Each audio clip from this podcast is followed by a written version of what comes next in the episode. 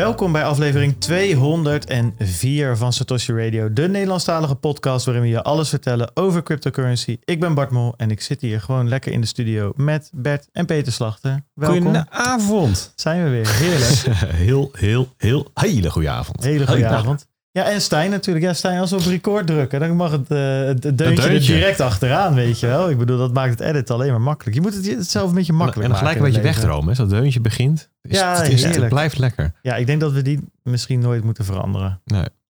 Maar goed. Ik vind dat we een keertje moeten starten met het, uh, met het volledige nummer. Dat, dat, vond ik ook een soort magisch. Toch dat wel. moeten we dan maar tijdens, als we ooit nog een keer een echte live show, live live show gaan doen. Dat we dat gewoon daarmee met een orkest of zo. theater, ja, dat je gewoon echt zo'n live orkest Het is wel leuk hoor, want als je dan zo start op een gegeven moment denken mensen, is dat anders? Hè? Is dit nou? En daar is hij dan opeens. En dan is hij, ja, nou, dat gaan we doen. Hey, uh, deze podcast die wordt mede mogelijk gemaakt door Anycoin Direct, Bitcoin Meester, Watson Law, Ledger Leopard, Bitfavo, Amdax, Vanek, Blok, uh, Blocks en BTC Direct. Uh, alles wat wij vertellen is op persoonlijke titel, moet niet worden gezien als beleggingsadvies. Je ziet die, ja. Ja, nou, ja, even. Ik moet gelijk aan kaarsen denken bij, maar je stopt, je er nergens in. je ziet, stop je nergens in. Je ziet is geen kaars. Laten we het zo zeggen. Die stop je gewoon nergens in. Um, als je het nou wil, ja, dat wilde ik nog even opzoeken. Als je het wil, laat vijf sterren achter op Spotify. En ik ga gewoon live even kijken op hoeveel, want we zijn over de 800 heen uh, deze week gegaan, zag ik. Ik hou dat echt uh, elke dag. Netjes. Ja, elke dag, elke ochtend kijk ik toch even en dan denk ik weer van waar staan we nu? Even kijken, Satoshi Radio. 816 uh, 5 sterren reviews. Nou, op naar de 1000 zou ik zeggen. Um, als je nu op uh, YouTube kijkt, bijvoorbeeld uh, als je de stream aan het kijken bent of uh, de stream aan het terugkijken, laat even een like achter, abonneer, je kent het wel. ook bijna 5000 abonnees, nog maar Kietel het algoritme even. Nog maar 900 te gaan en dan zitten we op 5000. Nou, dat is hartstikke, hartstikke net aantal. Al zeg ik het zelf.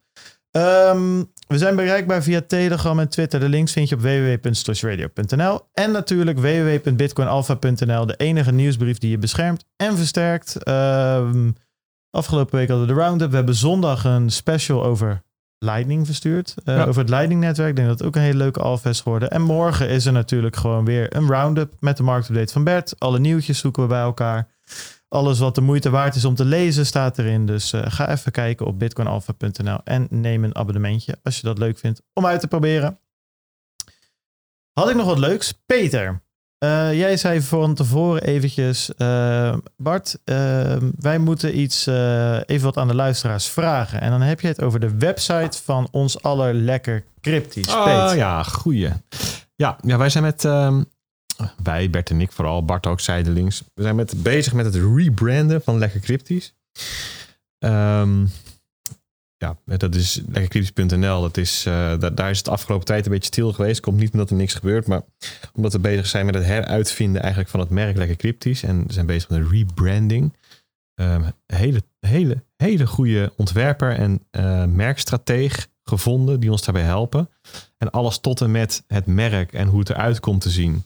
Um, ja, dat is in volle gang. En daar hebben we al heel veel vertrouwen dat het goed komt. Maar dan moet er op een gegeven moment ook nog een eh, soort uh, vertaling komen naar iets concreets. Bijvoorbeeld een website. En dan hebben we ja, mensen nodig die dat kunnen bouwen. Dan hebben we opties. kunnen een bedrijf inhuren. kunnen het zelf ja, doen. Dat is een beetje het punt. We kunnen het ook zelf. Alleen dat is onze grote valkuil. En dan zegt iedereen, jongens, daar moeten jullie mee stoppen. Jullie moeten niet alles zelf willen doen. Nou ja, precies. En um, Um, we hebben er ook wel wat budget voor. En dachten van ja, weet je, we kunnen wel gewoon wat offertes gaan opvragen. Maar ik zou het eigenlijk veel leuker vinden als er bedrijven of mensen zijn in de community die zoiets hebben van nou, ik vind het eigenlijk wel heel leuk. Ik ken die, eh, ken die gasten. Ik kan ontwikkelen. Ik wil hem eigenlijk bij dat groepje voegen uh, en er wat tofs van gaan maken. Dus bij deze voor de oproep. Uh, als je technisch bent, vindt het leuk om websites te bouwen, om toffe dingen te maken, meld je even bij mij. Ja, want er, is dus dan een brand en er is ook een websiteontwerp dan, hè? Ja, precies. En vanaf, vanaf daar moet het. Um, ja, dus het gaat hier niet om een, om een webdesigner, maar echt om een webdeveloper. Het gaat om development. Dus ja. we, we, hebben er ook wel mening over hoe we dat technisch uh, opgezet willen hebben. Beetje uh, experimenteren met de, de, de nieuwste technieken en manieren om uh, sites te hosten en zo. Um, Web 3.0. Ja. Web, web 4. En wij zijn nu bij Web 4. Ja. Ja. Web 4 developers. Ik denk dat we het beter kunnen. Als ze ergens te vinden zijn, is het wel in onze community natuurlijk. Nou, laat Precies. even weten aan, aan Peter. Heb je iets van een e-mailadres? Dat is misschien ook wel handig. Ja, Even- stuur maar een mailtje naar peterapenstaartlekkercryptisch.nl. Hoppakee. Je mag me ook even op Telegram een berichtje sturen. Nou, dan, eh, of een DM'tje op Twitter. ook Nou, goed. dan hebben ze allemaal. Naar zijn huis mag je ook komen met zijn moersleutel. Ja, Van Helmondstraat, daar, dat is de huis. dat is zo flauw. Hè? Ehm, ik had oh, wat anders leuks. Dat- Ja, goed, we gaan van, van, eh, van, van, van het een naar het ander. Ik wil even de groetjes doen aan, Jo- Serieus? ja, aan Jo- Johannes uit de Plaat. Nee, ik vond het grappig. Ik was even bij mijn ouders eh, met Koningsdag om een tompoes te eten. Ja, weet je, als er tompoezen, oranje tompoezen zijn, dan, dan ben ik in de buurt natuurlijk. Dat snap je wel. Smerig lekker, hè? Smerig lekker, inderdaad. En eh, toen zei mijn vader van, joh, eh, nee, dat is grappig. Ik eh, sprak iemand en die vertelde opeens dat hij naar jouw podcast luisterde. En dat is Johannes uit de Plaat. Ik zal even proberen, Johannes, om dat gewoon een beetje op vlakkees te doen. Dank je dat je luistert. En nou, ik hoop dat je nog god of veel plezier uit de komende tijd. Ehm, ja, ja, dat is toch leuk als even iemand daar ook uit Vlakke. Ja, je, je blijft toch een Vlakke Dan doe je even de groetjes terug. Zo Ja. gaat het. Op Vlakke groet je elkaar nog eventjes, weet je wel. Steek je nog even een handje op en nee. dat soort dingen. Ja. Ehm, voordat, mooi, vind voordat je bezopen van je fiets afvalt, over het algemeen. Eh, dat hebben we als laatste nog eventjes. Vonden we leuk. We zagen het van de week in de chat. Zag ik Sjors eh Provoost opeens in de chat eh, verschijnen. Ehm, eh, ik Met een niet- shield. niet, nee, niet eens met een shield. Dat is is stom. Het ging helemaal niet Oh. over, eh, over zijn boek waar we het eh, nu even over gaan hebben. Nee, het ging over, ehm, weet ik veel, een van de softfork eh, die er, waar, waar nu een hele hoop heisa eh, over is. En nee, trouwens ging het ook niet over. Het ging over Stijn. Die had een filmpje gemaakt over eh, hoe eh, Bitcoin werkt eigenlijk. En daar komt Shores eventjes complimenten voor uitdelen. Nou, dat vonden wij zo leuk, Shores, dat we eventjes gaan vertellen dat jij een boek in de verkoop hebt. Je kan naar bol.com gaan en het heet, nou zoek gewoon op Shores Provoost, maar het heet Bitcoin a Work in Progress. En het is een vet boek en het komt binnenkort uit. Nou, ehm, laten we Shores steunen door een exemplaartje te bestellen. Dan de donaties. Ehm, deze week donatietje gehad van Wim, Erik en Denise. Maar die van Denise, dat is een hele speciale, die heeft voor elke aflevering Een eurotje. een eurotje gedoneerd. Er zijn er 204 in totaal. Best een serieus bedrag. Eh, en ze bedankt ons voor eh, nou, alle leuke afleveringen. Ah. En ze had heel veel geleerd. Dus Denise, jij Even applaus voor de en, nieuws. eh, Heel erg bedankt. Gele knop. Ja. Waanzin. De gele knop. De gele knop, die- Yes. Maar dat hebben we Eh, een tijd niet meer gezien, zo'n bedrag. Dat is wel even nee, lekker oppepper. eh, dat, is, eh, dat, is een, eh, dat is een lekkere. Dan zeker. kunnen we even kijken. Ja, 30 eiwitjes verkopen. Ja, en over een half jaar ongeveer 60, want dan is de koers natuurlijk Ja. keer twee. Nee, ik zei even voor de, voor de uitzending, we waren al wel live, maar de mensen die dit als podcast luisteren hebben dat niet gehoord. Ik had weer een NS1 inflatie eh, momentje, eventjes gewoon een eh, onderbuikgevoel. Ehm, een eiwitje op het terras, 7,20 euro. Ja, dat tikt aan, dames en heren. Daar word je niet dronken van, kan ik je vertellen. Want dan is je portemonnee eerder leeg dan dat jij eh, dronken, bent, bent. ja. En Peter vertelde iets over de pils in Amsterdam. Ook een eurotje voor acht of zo. Ja, 7 à 8 euro voor een halve liter lauwe eh, pils. Maar daar mocht je maar één biertje, dus dat scheelt. Dan ben je Ja, wel die meteen mag je maar één biertje zelf meenemen. Maar dat is- wel meteen klaar. Ik, ik vond trouwens op de, de, de, de kinderspulletjes op de vrijmarkt. Die waren gewoon nog ouderwets eh 50 cent, eurotje, daar- dat soort dingen. Zeg maar, de, de- mijn, mijn, mijn oudste zoon die ging op jacht naar eh, Donald Duck Pockets. Maar dat, die had er uiteindelijk gemiddeld een eurotje voor betaald. Ja, maar je, had, eh, je hebt toch eh, in Amerika heb je toch die Gary Vee, die dat is ook die NFT-gozer die, die heel raar praat en iedereen miljonair tips geeft. Maar die heeft dus op een gegeven moment er een ding van gemaakt dat je yard sales af moet. Om daar dus goedkope zooi van mensen te kopen, om dat weer weer te maar heb jij wat gekocht op een vrijmarkt? Nee, mijn broertje, mijn broertje is er heel erg van. Die, eh, die, die, ja, die koopt dan echt. ehm, gaat hij kijken, koopt die postzegel, bakken met postzegels. En dan ziet hij al van, nou hier er zit sowieso 30 euro aan postzegels die je nog los kan stomen. Nou, dan ben je, ben je al uit de kosten, zeg maar. Ja, die vindt dat Dat is prachtig. meer een soort van garage sale, die, eh, die, die voorraden op. ja, ja, de- ja, ja, precies, ja, ja. Behalve het feit dat met die garage sale, met die programma's, heb je inderdaad op, ja, container wars. Ja, en dan precies. hebben ze een van de oude tv van eh, uit 1990 of zo. En zeggen ze definitely eh 300 bucks. Ja, en dat wordt dan gewoon opgeteld. Ja, precies. Nee, prima. Voor de verkoop. Dat ga je echt wel verkopen hoor. Maar goed, anyways. Dat is. Ehm, dan gaan we even naar Connect the World. Een hele leuke aflevering, eh, vond ik zelf, met eh Elle Mouton. Ik weet niet of ik het goed zeg. Uit Zuid-Afrika komt ze. En, eh, ze is een eh, developer bij Lightning Labs. Dus eh, weer ja, toch wel een gast die dicht bij het vuur zit, eh, Cool. al zeg ik het zelf. Ja. Het was een leuk gesprek. Eh, we hebben daar zelf, Stijn, een, eh, een filmpje van. Zet maar eens even aan. Kijk of die doet. connect the world. Het is ook weer heel cool dat het dan gewoon een vrouw He is. talks hè? about the, the Ja. pros and cons of LNURL and Lightning Offers and AMP. And what are the big cons of uh, the first two? So LNURL and AMP. Okay, so um, for LNURL, the big con that people will mention is that you have to run a web server, right? So there's a web server. So the static QR code that LNURL uses is just a um, sorry, the static code is a is just a URL that you that you hit, right? And the server then communicates with your your um, Lightning node, gets a new invoice every time, and sends it back. So that's how it does that. Um, but then you need this this server, so you need like a you know TLS certificate, domain name, all these things. Obviously, obviously you can use Tor, but you always still need this web server. Um, so that's the, that's the one issue with LNURL uh, that people will mention. Um, obviously, that's not an issue for like merchants, right? They're gonna have a server anyways. Um, it's more for it's more like okay, if I have my Lightning on my phone, how am I gonna do that, right?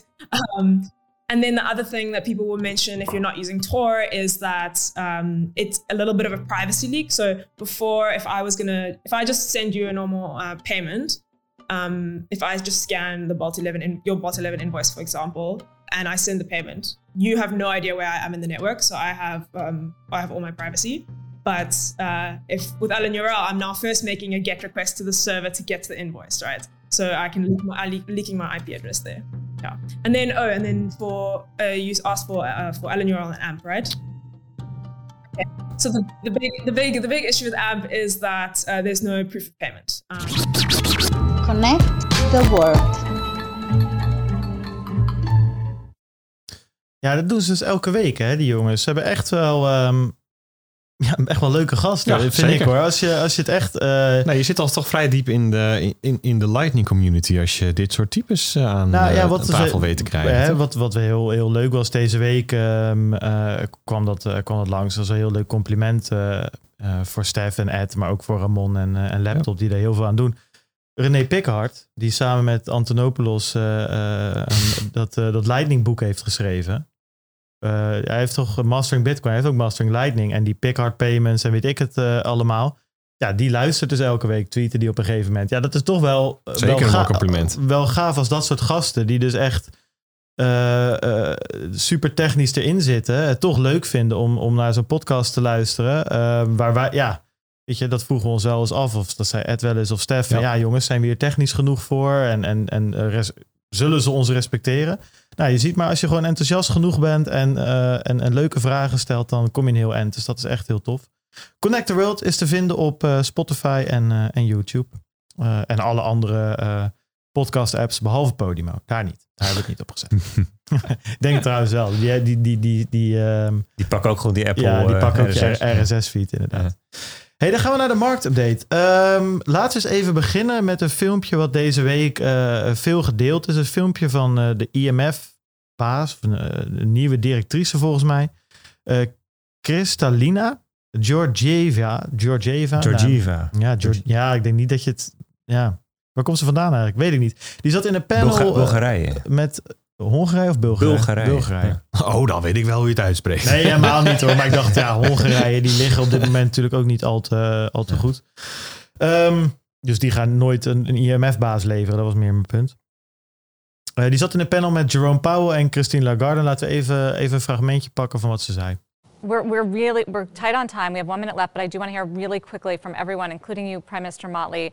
It, I sometimes get the best answers as a journalist when I ask people what I'm not, what we're not paying attention to, what the media or the world is not focused on. So um, I'll ask you just very quickly, either an upside risk or a downside risk as it relates to the global economy, what we're not paying close enough attention to, and we sh- and what what you would flag.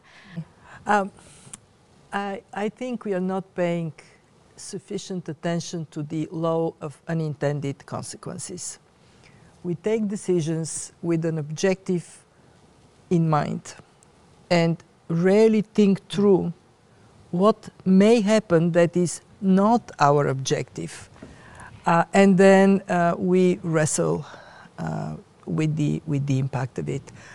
Um, take uh, any any any decision that is a massive decision, like uh, the decision that we need to spend to support the economy.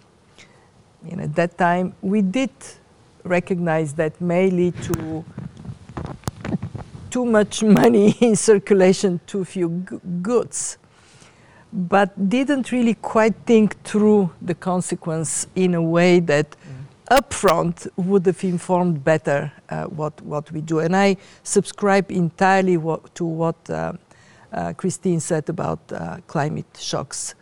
We are already out of time. Wel goed zo, and the uh, fact that Ja, mijn favoriete whenever something hits us, we forget about this other crisis is inc- incredibly troubling. The fact that we are, I'm sorry I'm going on here, but I'll finish in a second. we act sometimes like eight years old playing soccer. Here is the ball, we are all at the ball, and we don't cover the rest of the field. Our ability to deal with more than one crisis at one time is very, very uh, limited. Interessant. Ook wel, wel respect dat ze in de week dat Johan Cruijff 75 is geworden met een voetbalanalogie komt. Ja. ook wel een beetje Cruyffiaans, Ja. toch? Ja, als je met z'n allen bij de bal staat, dan kan je die aan de crisis niet zien. Ja, eigenlijk heel logisch natuurlijk. Het is heel logisch.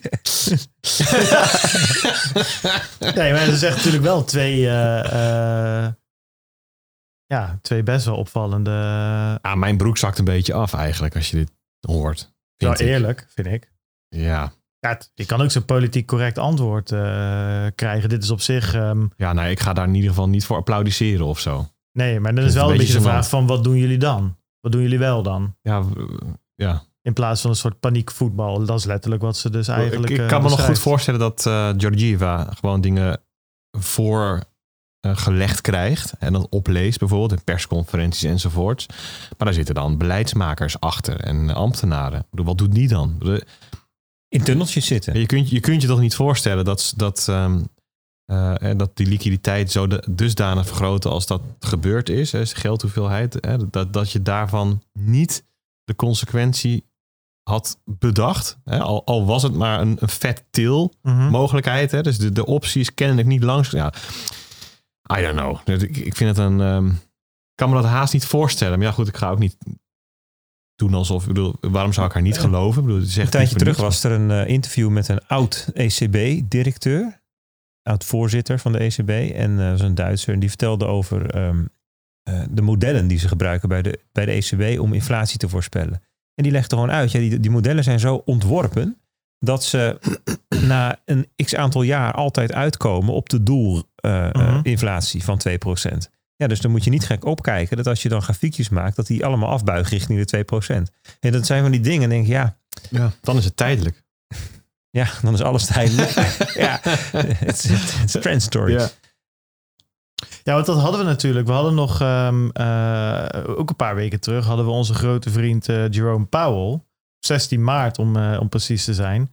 Ja, dat, dat ging niet over het tijdelijke deze keer, maar daar vertelde hij nog hoe, ehm, hoe, hoe, Ja. hoe sterk de economie was. Die zat, er, die zat er trouwens ook bij, hè, Powell? ja, nee, bij die zat ernaast inderdaad. Ja, nee, en, Maar dat, dat is misschien nog wel het meest pijnlijke ervan of zo. Er zit Powell zit erbij, eh, Lagarde, zit erbij ja. en nog iemand volgens mij. En prime minister hadden ze het over of zo. Dat was En die horen dit aan en die zeggen ook niks. Weet je, dat, Nee, ja, het is wel een beetje. Ze, ze, ze zegt eigenlijk dat Lagarde en Powell twee achtjarigen zijn. Die, die, die, die alleen maar oog hebben voor wat er op dat exacte moment gebeurt. En totaal niet vooruit kunnen kijken. Of kunnen multitasken. Terwijl echt mindblown wat dat betreft. Maar jij leidde een ander filmpje van Powell. nou ja, ik denk dat het wel leuk nog eens eventjes om... eh, dat, dat is een mooie inleiding voor Bert zijn marktupdate. Want daar, die heeft ook wat over de, volgens mij, de Amerikaanse groei slash krimp van de economie. Die laat ik even in de lucht. Maar Powell zei er in ieder geval op 16 maart dit over. Even kijken. Ja, daar I guess I would start by saying that, in my view, the probability of a recession within the next year is not particularly elevated. And why do I say that? Aggregate demand is currently strong, and most forecasters expect it to remain so. If you look at the labor market, also very strong. Conditions are tight, and payroll job growth is continuing at very high levels. Household and business balance sheets are strong. And so all signs are that this is a strong economy, in, indeed, uh, one that uh, will be able to uh, flourish not to say withstand, but certainly uh, flourish as well um, in the face of less accommodative monetary policy.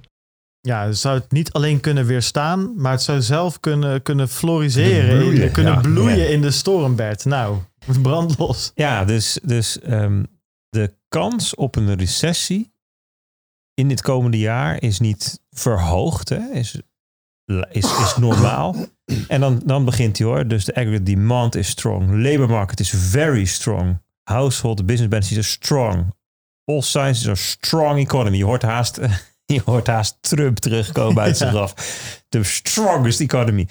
en vandaag kwam ehm, eh, de GDP-print binnen. Dat is de, nou, eigenlijk een soort van eerste, eh, de allereerste voorspelling van wat de eh, economische groei in het Ja. kwartaal 1 gaat worden. En dan komt eind mei komt de tweede veel nauwkeuriger voorspelling. En pas nog weer later komt de definitieve. En want hier moeten ze ontzettend veel data voor verzamelen. Dus dit is dan nou ja, de eerste ehm, schatting. Er werd verwacht een groei van 1%. En dat is niet zo heel veel. eh, Maar de vorige was 6,9%. Dat is heel veel. Hè? Dus op die manier kan dat soms eh, ook door, door seizoenseffecten of, of eh, dingen die net voorraden die op of aflopen of in of in en exports die dan wat verschuiven, kan dat wat, wat heen en weer gaan. Maar het was dus min 1,4 procent. Dus dat is niet economische groei, maar dat is economische krimp. Dat betekent de omvang van de economie, die is wat gedaald.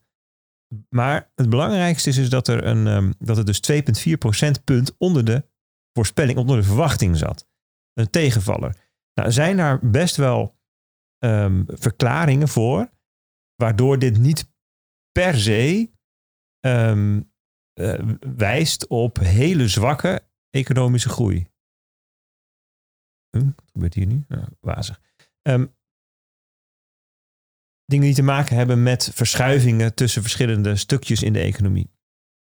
Echter, ehm, ja, je verwacht 1% en het wordt min 1,4%. Ja. Dat is wel een heel groot verschil met dat hij dan zo'n verhaal houdt van, ehm, nou ja, onze economie is de sterkste ooit. Maar dit is geen flourish. Dit is geen flourish. Dus Nee. dit is heel interessant. Kijk, en we, we herinneren ons nog, en dat vond ik wel grappig. Precies een jaar geleden, vandaag, was het ehm, voor het eerst dat in eh, communicatie van de Fed het woord transitory werd gebruikt voor de inflatie. Ja. De inflatie die kwam toen op 2,6% of zo uit. Toen zeiden ze ja, maar dat zijn, dat zijn hoofdzakelijk transitory factors. Dus er zijn, zeg maar, er zijn een aantal factoren die dit verhogen en die zijn van voor- voorbijgaande aard. Hè. Dus dat, en dat, dat, dat- waar we toen naar zaten te kijken waren die verstoorde eh, toeleveringsketens, productie, logistiek. Ehm, eh, de chips tekorten kwamen later. Hè. Dan Ja. dus daardoor werden de auto's duurder. En daardoor werden de gebruikte auto's duurder. En nou ja, allemaal dat soort was het heropenen van de economie na COVID. En ja, dat is allemaal tijdelijk, want dit gaat allemaal weer voorbij. En toen kregen we het Suezkanaal. En toen kregen we later dat de energieprijzen wat opliepen. Najaar vorig jaar. En, nou ja, en toen kregen we de oorlog. Het zijn allemaal transitory factoren. Nou, nu, nu hè, is er dus eenzelfde soort verklaring over die economische groei. Zeg van ja, er zit een aantal ja, wat, wat meer tijdelijke, eenmalige, eh, one-off-achtige factoren in. Ze noemen het woord transitory niet. Maar ja, straks krijgen we, het is nu 28 april, dan krijgen we 28 ju- juli of zo, juli, krijgen we hetzelfde over kwartaal 2. En stel nou dat het dan ook min 1, zoveel is, toch? Dan heb je dus twee kwartalen van krimp en dan heb je officieel recessie. Dus misschien, want dat is een beetje de definitie die de Amerikanen hanteren. Hè? Een recessie is twee ehm, een, eh, kwartalen na elkaar van economische krimp. Je kunt ook andere definities eh, hanteren, maar dit is een veelgebruikte en door de Amerikanen gebruikte definitie.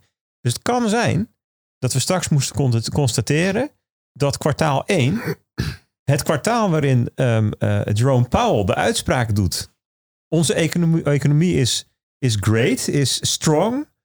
Um, the American economy is very strong and well positioned to handle, handle tighter monetary policy.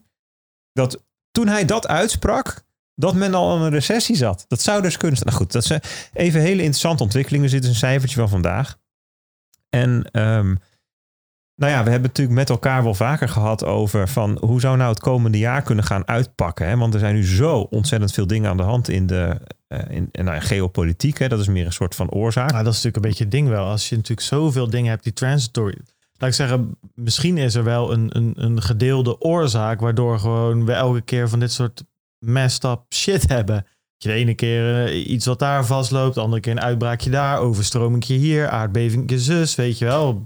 Ja, er zijn ook allerlei dingen die ehm, eh, best wel structureler stuk aan het gaan zijn. Ja. Dus denk aan energie. Ik bedoel, eh, we hebben in Europa gewoon wel een structureler probleem dan dat de olie duur is. Met die gasimports Ja. ehm, waar we van af willen. De kerncentrales in Duitsland die gesloten worden. Eh, Zijn wel, zelfs al. ja, wel, ja. wel per se die energietransitie nu willen maken. Terwijl ja, dat allemaal ehm, wel, wel lastig in elkaar zit. Dus. Maar goed, lastig. Ehm, ja, dus er gebeurt nu ontzettend veel in de financiële markten. Ehm, die inflatie is daar nog steeds natuurlijk wel een, een belangrijk getal. Hè, want de Amerikaanse centrale bank, de Fed, die heeft eigenlijk, eh, eh, ze noemen dat een dual mandate, een tweeledig mandaat.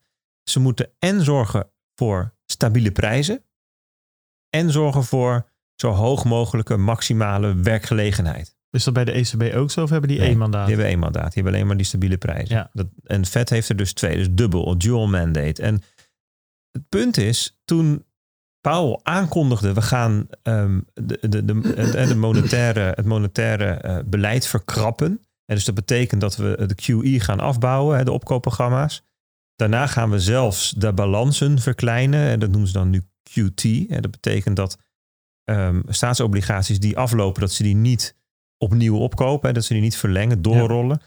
Ehm, en we gaan de rente verhogen. Toen hij dat uitsprak, moest hij natuurlijk eventjes nadenken over zijn dual mandate. Dus enerzijds die prijsstabiliteit. Met andere woorden, ja, dus als er hoge inflatie is, dan moet je erop reageren. Anderzijds volledige werkgelegenheid. Dus je moet dan wel even nadenken over, als ik nou die rente verhoog, wat doet het dan met mijn werkgelegenheid? Want die werk, eh, hoe, hoe zit het in, eh, in, in Nederland? Is, is er natuurlijk amper werkloosheid op dit moment. Is Ja, het in Amerika ook zo? Ja, dus ook op heel lage Ja. niveaus.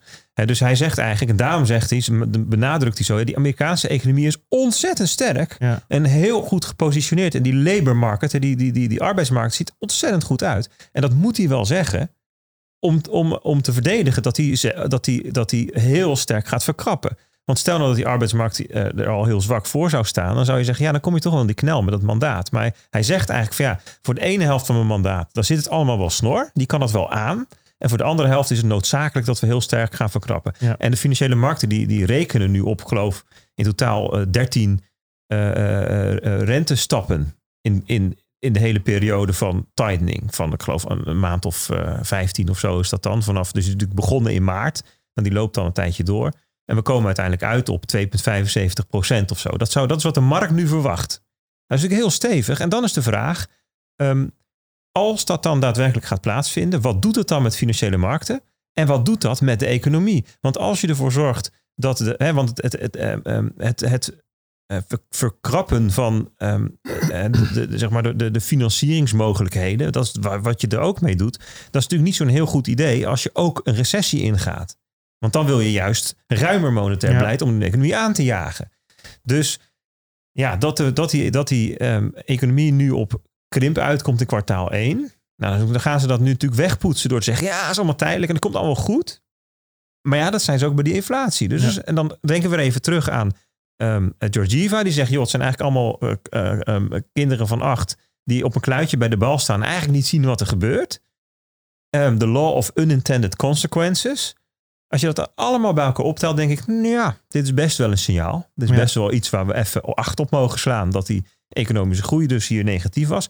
Wordt ook al voor Europa gezegd. Hè, van, nou, het zou best eens kunnen dat we kwartaal, kwartaal 4 bijvoorbeeld al een recessie ingaan. Dat wordt dan hier natuurlijk heel erg gekoppeld aan de oorlog en de, en de voedsel- en, en grondstof- en energiecrisis. Maar het is natuurlijk een hele interessante ehm, ontwikkeling om daar dan over door te redeneren. Van oké, ehm, we hebben nu ehm, eh, ehm, centrale banken wereldwijd die allemaal aan het verkrappen zijn. Allemaal rentes aan het verhogen zijn. Allemaal QE aan het afbouwen zijn. Ehm, de aandelenmarkten die gaan wat naar beneden. De vastgoed gaat wat naar beneden. In Amerika is de rente op ehm 30 jaars eh, hypotheekrente van 3 naar 5 procent al gestegen.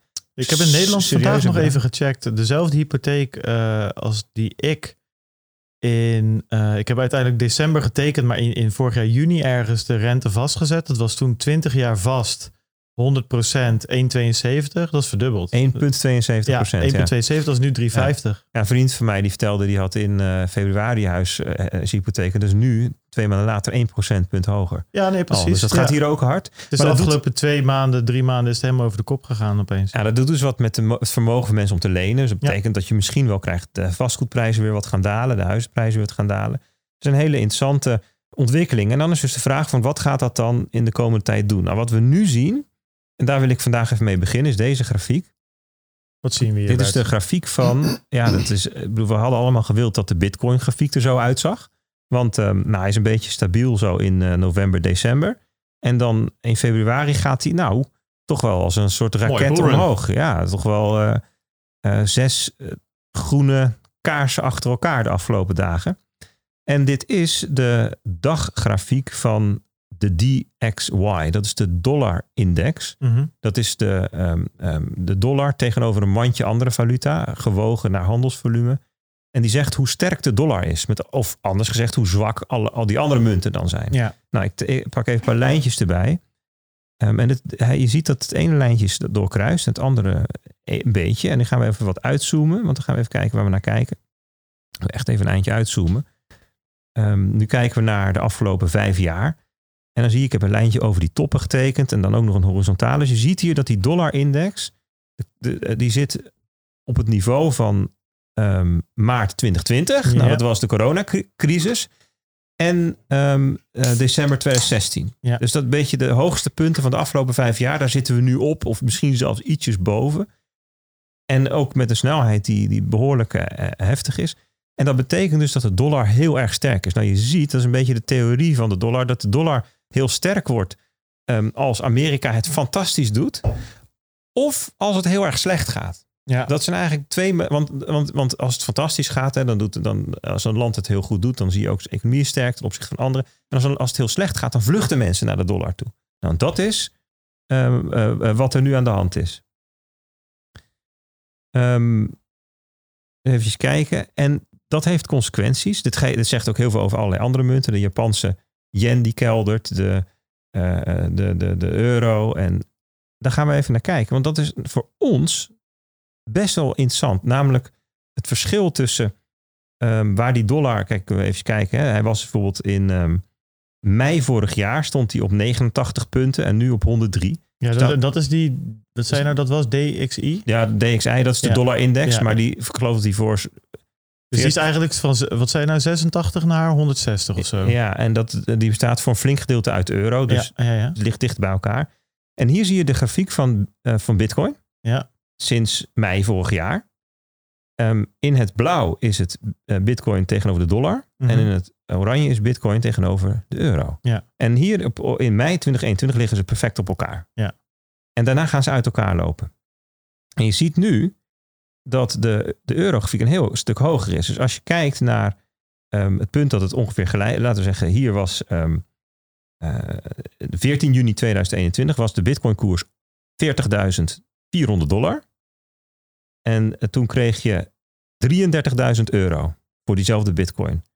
Nu, vandaag de dag, krijg je 38.000 euro voor diezelfde Bitcoin. Groot verschil. Dus eigenlijk, je zou kunnen zeggen dat de, de, de, de, pak even een lijntje, die trek dan even naar rechts, dat de Bitcoin koers voor ons, vanuit, dus als Nederlander, als je het wil omzetten naar euro's op je rekening, stel dat je dat wil, dus dat is vergelijkbaar met alsof we nu op 47.000 dollar staan. Ja. En hè, als je dat met, met toen vergelijkt, zoveel is het uit elkaar gaan lopen. Dus dat betekent ook dat in euro's gaan we heel veel eerder een all-time high neerzetten. Ja. Dat hebben we natuurlijk wel eens een keertje eerder gezien met falende munten. Zoals de Turkse Ja, lira zaten te lachen. Hè. je, zag dat die eerder een all-time all high. Venezuela waarschijnlijk ook wel een keertje. Ja, we hebben het een keertje met de roebel ook gedaan al. Ja. Maar dat, we gaan dus, het verschil is nu eh, zo groot dat we straks ehm, wellicht hè, als bitcoin koers naar... de- de all-time high is nu 69.000 dollar. Maar ik denk dat we in euro's gezien al een all-time high gaan neerzetten bij 1 of 62.000. Dus dat is wel interessant. Ehm, dat betekent dus dat je als Nederlander eh, eh, nu heel erg profiteert van het koers, de oplopende koersverschil tussen de dollar en de euro. Als je je portfoliowaarde in euro's bekijkt. Dus als je ehm, ook eh, op een bepaald moment een gedeelte van je bitcoin wil gebruiken om een huis te kopen. Of Ja. laten we eens een keertje, doe, doe, doe, doe iets levensveranderends. Nou, dan wil je het een keer doen. Dan, dan, dan, dan krijg je daar dus nu een procent of 15 meer voor in euro's. Nou, dat is wel even een, een interessant om eens naar te kijken, dacht ik zo. Ehm, dan even een aantal financiële markten. Hier linksboven hebben we de, de S&P 500. Daar zie je dat, ehm, als ik hier even een lijntje trek, dat die nu ongeveer op hetzelfde punt staat als 15 maart en 22 februari Van welk jaar? van dit jaar. Oké. Ja, en dat is, dat is dus eh, ehm, een stuk lager dan het hoogtepunt in december. Hoeveel lager, vraagt u zich af natuurlijk. Nou, daar kan ik ook nog even naar kijken. Een procentje of 14 lager. Gaan we even kijken naar de Nasdaq. Dan zie je dat hij nu zelfs lager staat. Hij, kwam vandaag, of de afgelopen dagen, is drie dagen kaart, maar kwam die lager dan in maart en lager dan in februari. Dus het laagste punt zelfs sinds april vorig jaar. Hè? Dus na die top een stuk verder naar beneden. En even voor de mensen die het niet weten. De Nasdaq is de index met eh Tech. techstocks. En hetzelfde geldt voor de Russell 2000. Dat zijn wat kleinere mid-cap bedrijven. Dat zijn voor Nederlandse begrippen nog steeds grote een soort eh, NASCAR race. Ja, De Russell 2000. Russell 2000. Er zitten 2000 aandelen in. Die is ook wat lager. Ehm, en hier heb ik nu even de volatiliteitsindex. Die, die, die gaan we even vervangen door BTC, USD. Laten we even die van Binance pakken. En daar zie je, grappig genoeg, dat de Bitcoin koers dus nu hoger ligt dan op februari en januari. Dus grappig genoeg zien we dat de afgelopen dagen hè, de, de, de, de, de aandelen het slechter doen dan Bitcoin. En, en, en, de, en mijn ehm, signaal hieruit is dat in de condities die we nu hebben, en dat is dus de markt staat echt onder spanning. Ik zal zo meteen nog wat paar andere dingen laten zien. ehm, dat Bitcoin het eigenlijk verdraaid goed doet. Dat Bitcoin eigenlijk opvallend goed overeind blijft. Hè? Want veel mensen zeggen, ehm, Bitcoin... eh, ja, Goed, Peter, die, eh, je hebt niet voor niks een houten tafel. Een hele grote. We kunnen allemaal tegelijk even, Even, kloppen, jongens. Mensen zeggen eens Bitcoin, Bi- Bitcoin is een high beta tech stock. Hè? Met andere woorden, als tech beweegt, dan beweegt Bitcoin dezelfde kant op en harder. Hè, dus je, je, er zijn ook wel eens mensen die maken dan kaartjes waar je Bitcoin uitzet tegenover de leveraged Nasdaq. Dus Ja. een, een Nasdaq die een 2x heeft, dus met de helft geleend. ge- En dus dan zou je verwachten dat in deze tijden Bitcoin het nog heel veel slechter doet. Maar dat valt dus mee. Ehm, Dit hadden we natuurlijk een tijdje terug al zonder eh, kaartjes erbij. Dat wel, maar ik weet wel dat Peter een keer aangedragen heeft. Ik heb het ook nog een keer eens, maar dat was meer gevoelsmatig. En dus zaten we ook rond die 40k van, moeten we hier niet een keer keihard doorheen vallen? Maar inmiddels blijven daar toch, ja, dus ik ze nu een keer 37, keertje 38, maar elke keer komen we toch weer terug. Ik zit even Ja. naar achter te kijken naar mijn blokklok. Het is gewoon netjes weer 40k. ja, we gaan zo meteen het nog zien op het grafiek. Ik laat heel even deze zien. Ja. Dit is de Nasdaq door. en de Bitcoin. Die ehm, op elkaar gelegd zijn. Dan zie je sinds 11 februari ja, dat die inderdaad, jongens, behoorlijk ehm, dezelfde ja, richting opgaan. Af en toe wijkt het af, zoals bijvoorbeeld hier begin maart. En dan komt het wel weer terug. Bitcoin iets hoger en dan weer een, ehm, de Nasdaq duidelijk iets lager. Nu is het verschil eigenlijk sinds 21 april, de afgelopen week, Ja. best wel fors. De vraag is, wordt dat nog een keertje rechtgetrokken of niet? Nou, dat is interessant van hoe, hoe, hoe houdt Bitcoin zich en waar komt het door? Ik wil heel eventjes ehm, kort deze grafiek laten zien. Dit zijn de verschillende Amerikaanse staatsobligaties van 30 jaar tot drie maanden. En ehm, die zie je hier allemaal over elkaar heen kruisen en lopen, een rommeltje maken. En hieronder zie je drie lijntjes die het verschil tussen verschillende rentes aangeven. Dus de onderste is 10 jaar en 2 jaar. En die zie je dat die heel even onder nul is geweest. En dat noemen we een yield curve inversion. De tweejaarsrente zat op dat moment onder de tienjaarsrente. En dat is eigenlijk een soort van hele grove voorspeller van recessies. Ja. Gemiddeld een maand of 12 tot 18 of zo daarna. En een wat ehm, eh, steviger voorspeller is de drie maands en de tienjaarsrente. Die is hier en die is nog lang niet inverted. En dan zou je zeggen, van, nou, als die komt, dan komt die voorlopig nog niet. Dat zou kunnen. En dus ehm, hier kijken we dan naar. Maar dit, dit, het feit dat deze hier inverted is geweest, dat, dat, is, dat, dat, verhoogt de kans dat we daadwerkelijk in de komende grofweg 18 maanden, jaar, ietsjes meer, eh, een recessie gaan krijgen. Dus zegt iets over de spanning op de Amerikaanse eh, eh, obligatiemarkt. Ja. Dit is het verschil tussen de 10-jaarsrente in Italië en de 10-jaarsrente in Duitsland. En dat zegt iets over de spanning op de Europese obligatiemarkt. Ehm, dat verschil, dat, dat, dat, dat was ehm, ehm, bijvoorbeeld eind vorig jaar, september vorig jaar, eh 1%. Noemen we dan 1000 of eh, 100 basispunten, dat is 1%. En dat, is, dat liep op in februari naar eh, 175. En ehm, inmiddels naar 1,8, dus 181 basispunten. Dus ietsjes hoger.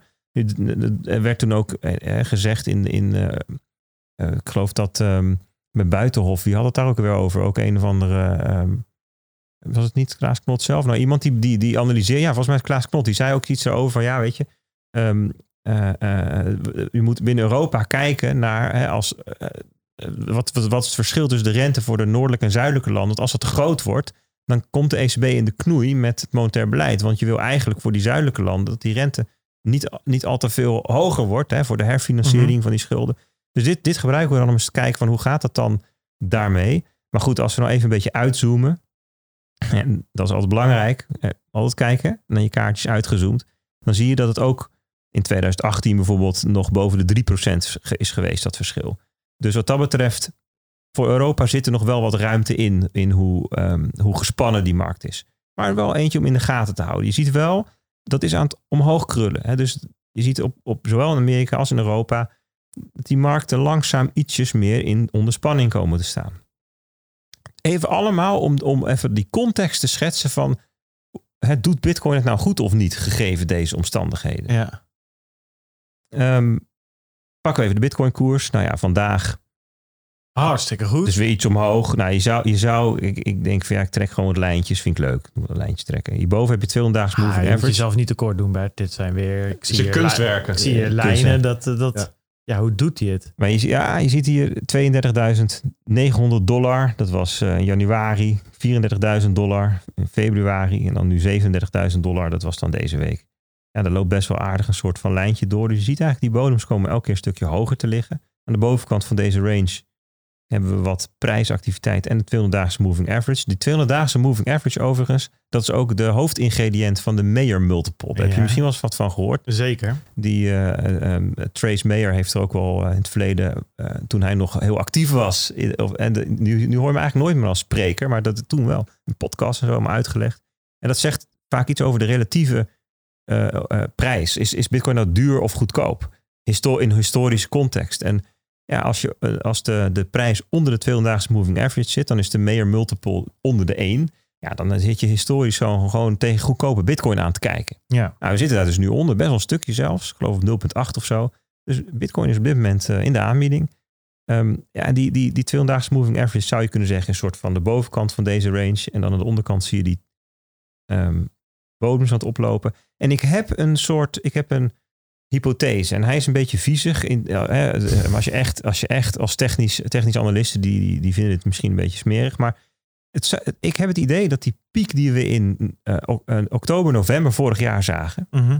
dat, die, dat het eigenlijk een ehm, soort outlier is geweest. Dus die, heb jij gewoon uit je dataset getrokken, wil je zeggen. ik denk, Ja. wat gebeurt er nou als je die gewoon zou negeren? Stel dat je nou die piek in, in oktober nog... Kijk, want we kijken vaak naar de hype. Hè? Dus hoeveel retail is er nou wakker en eh, stroomt in grote getalen binnen en hype en televisie en radio en dat soort dingen. En dat, dat eigenlijk sinds de zomer is het al een beetje weg. Toen die koers crashte, ehm, eh, eind mei, uiteindelijk naar 29.000.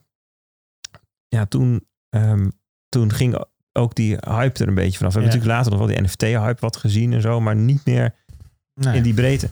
En die, die ook, dat zie je ook in de on-chain data, dat de activiteit in die periode gewoon echt heel andere karakteristiek had dan ehm, vanaf november 2020 tot, tot, tot maart, zeg maar, die hele Elon Musk-tijd.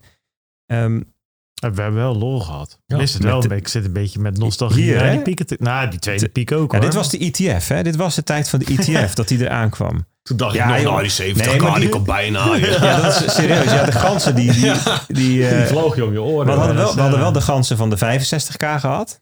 Toen waren Ja, Peter en ik op weg naar de uitgever. Eh, elke, keer, elke keer als ik een rondje ging lopen, dan Nieuwe moest ik. Telegram-chat weer Ja. aanslingeren, want er werd, er werd er weer feest gevierd. Oh, die 70k. 20 oktober was 25, 65k. Oh. Nou, die 70 hebben we dus gemist. Maar Ja. stel nou eens dat je zegt van nou misschien Nou ja, ik weet, ik, ja, dit lijkt er namelijk een beetje op hoe het was in, eh, eh, oh die heb ik hier niet meer staan, in ehm, 2017. Ja. Maar goed, anyway, ja, kijk, je ziet hier wel of je nou hier tekent of hier. Hè, dit, dit is wat meer ingezoomd. Is het nou zo dat deze lijn nu nog een soort consensus is in de markt? Hè? Denk even aan ehm, de beauty contest van Keynes. Het gaat er niet om wat jij denkt dat de markt gaat doen. Het gaat erom wat jij denkt dat anderen denken dat de markt gaat doen. Of misschien zelfs over wat jij denkt dat anderen denken dat anderen denken dat de markt gaat doen. Mhm. Dat is een beetje het verhaal van de beauty contest van Keynes. En misschien denkt iedereen wel van, joh, ja, dit, dit, hè, deze bodems die worden steeds zo, en dat treden we op en zo. En als- straks zakt hij erdoor en dan ehm, wordt op die manier het verschil met die Nasdaq gevuld en dan, dan gaan we door het putje en dan is het Mhm. afgelopen. Dat kan. Dat is een uitleg hè, van, ehm, dit is een tijdelijk effect. En dit eh, komt straks komt de capitulatie. Nou, er zijn al mensen op Twitter die roepen op van, nou, we gaan prijzen van, eh, hoor je 26k, want daar ligt dan ehm, eh, de realized price. Of 20k, want daar ligt dan 200 weekse moving average. Ja, ik hoor karig mensen. zijn, hoor. hoor Ik weet niet hoe het met jou is, Peet, maar ik... eh, ik echt 14k even- riep iemand pas. Daar heb ik echt even geen zin in. Dan ga ik eh En, en, en, en, zitten huilen, denk ik. en 3k hoorde ik pas ook, maar dat was Pieter Schiff. oh, dat, is- dat, dat- als we dan toch gaan. Ga ik Ja. wel een Ja. podcast over kamerplanten maken of zo. Ja. Ja, daar ben ik er vier jaar ook wel klaar mee hoor. Hou op, we gaan niet met 20.000. Nee, ik, ik, ik eh, zie die plantenmuur bij jou thuis achter. Ik weet niet of dat een heel goed onderwerp Ja, omdat ik er zoveel over bitcoin gehad heb. Maar ja, daar schiet ook blijkbaar helemaal geen zak mee op. hey, eh, zullen we eens een, eh, kijken of we er een ehm Ja, laatste aan dan. einde aan kunnen Kijk, dit is de grafiek die we hebben gemaakt toen, toen we schreven over de manier om bitcoin te waarderen. Ja, En dat was dus het Metcalfe's Law en netwerkeffect. En eh, hoe kom je dan tot een grafiek? En dit, is, dit is, was op basis van data van Timothy Peterson. Ja, en de grap is dus, dan moeten we even een beetje inzoomen. ehm, ja, dat we gewoon bijna op die lijn zitten. we hebben weer een We model hebben hem gevonden zelfs aange- werkt. Dus ja, je zoekt gewoon net zo lang door dat je een model hebt waarvan je denkt van nou ja, deze Ja. ondersteunt mijn hypothese. Of mijn, wat, ik, wat ik hoop, hoop je. ja.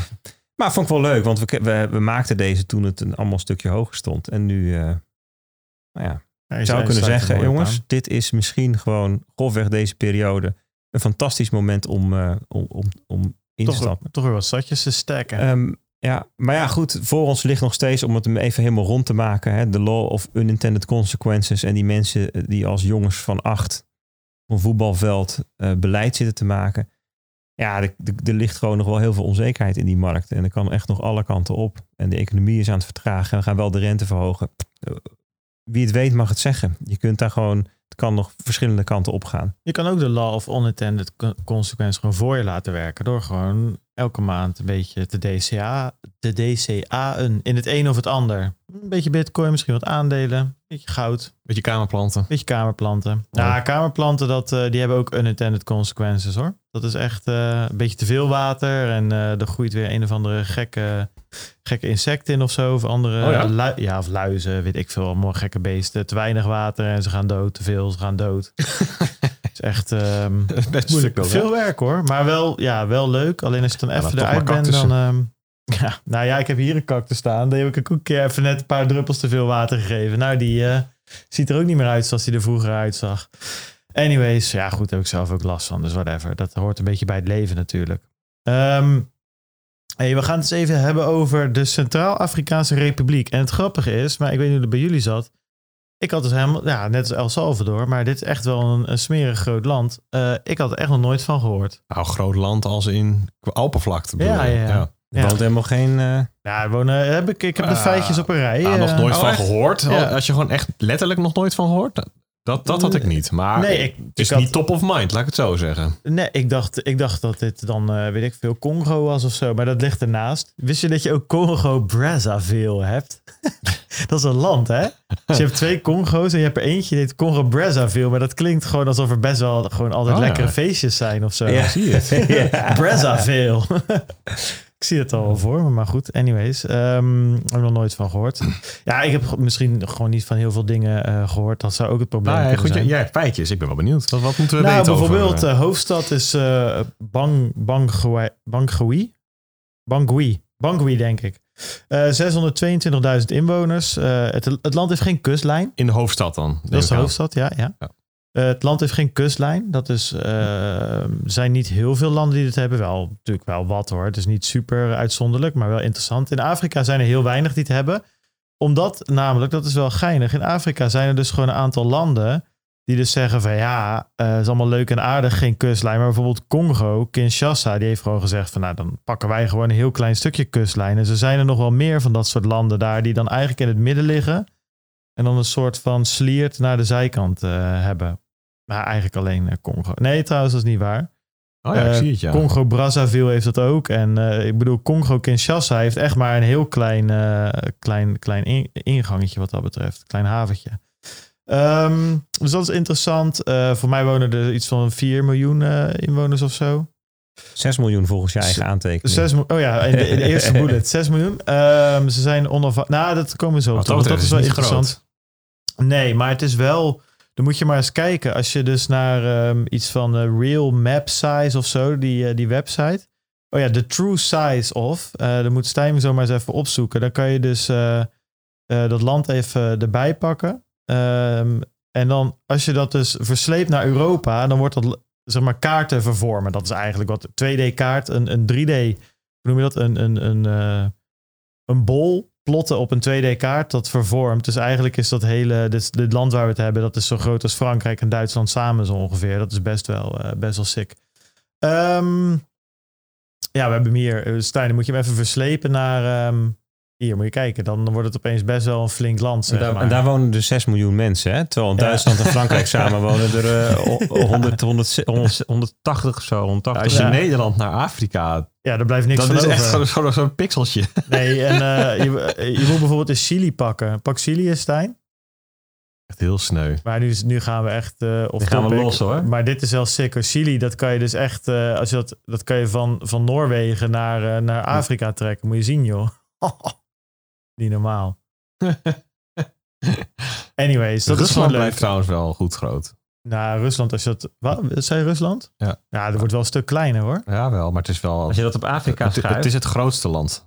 Ja, wel een groot land. Dat, eh, dat, dat- Maar dat het komt er eigenlijk op neer dat Afrika als continent veel groter is dan dat we eigenlijk denken. Ehm, dus het is een smerig groot land, maar er wonen dus maar 6 miljoen mensen. Ehm, en Smerig groot. ehm, wat daar dus wel. Eh, en en een, eh, een eh, GDP is ongeveer 4 miljard dollar. Dan zijn we daar ongeveer vanaf. Maar wat interessant is met, die, met een aantal van die landen in Afrika. Ze hebben natuurlijk bijna allemaal een ko- koloniaal verleden. Met België of Frankrijk of weet ik wat voor landen. In dit geval Frankrijk.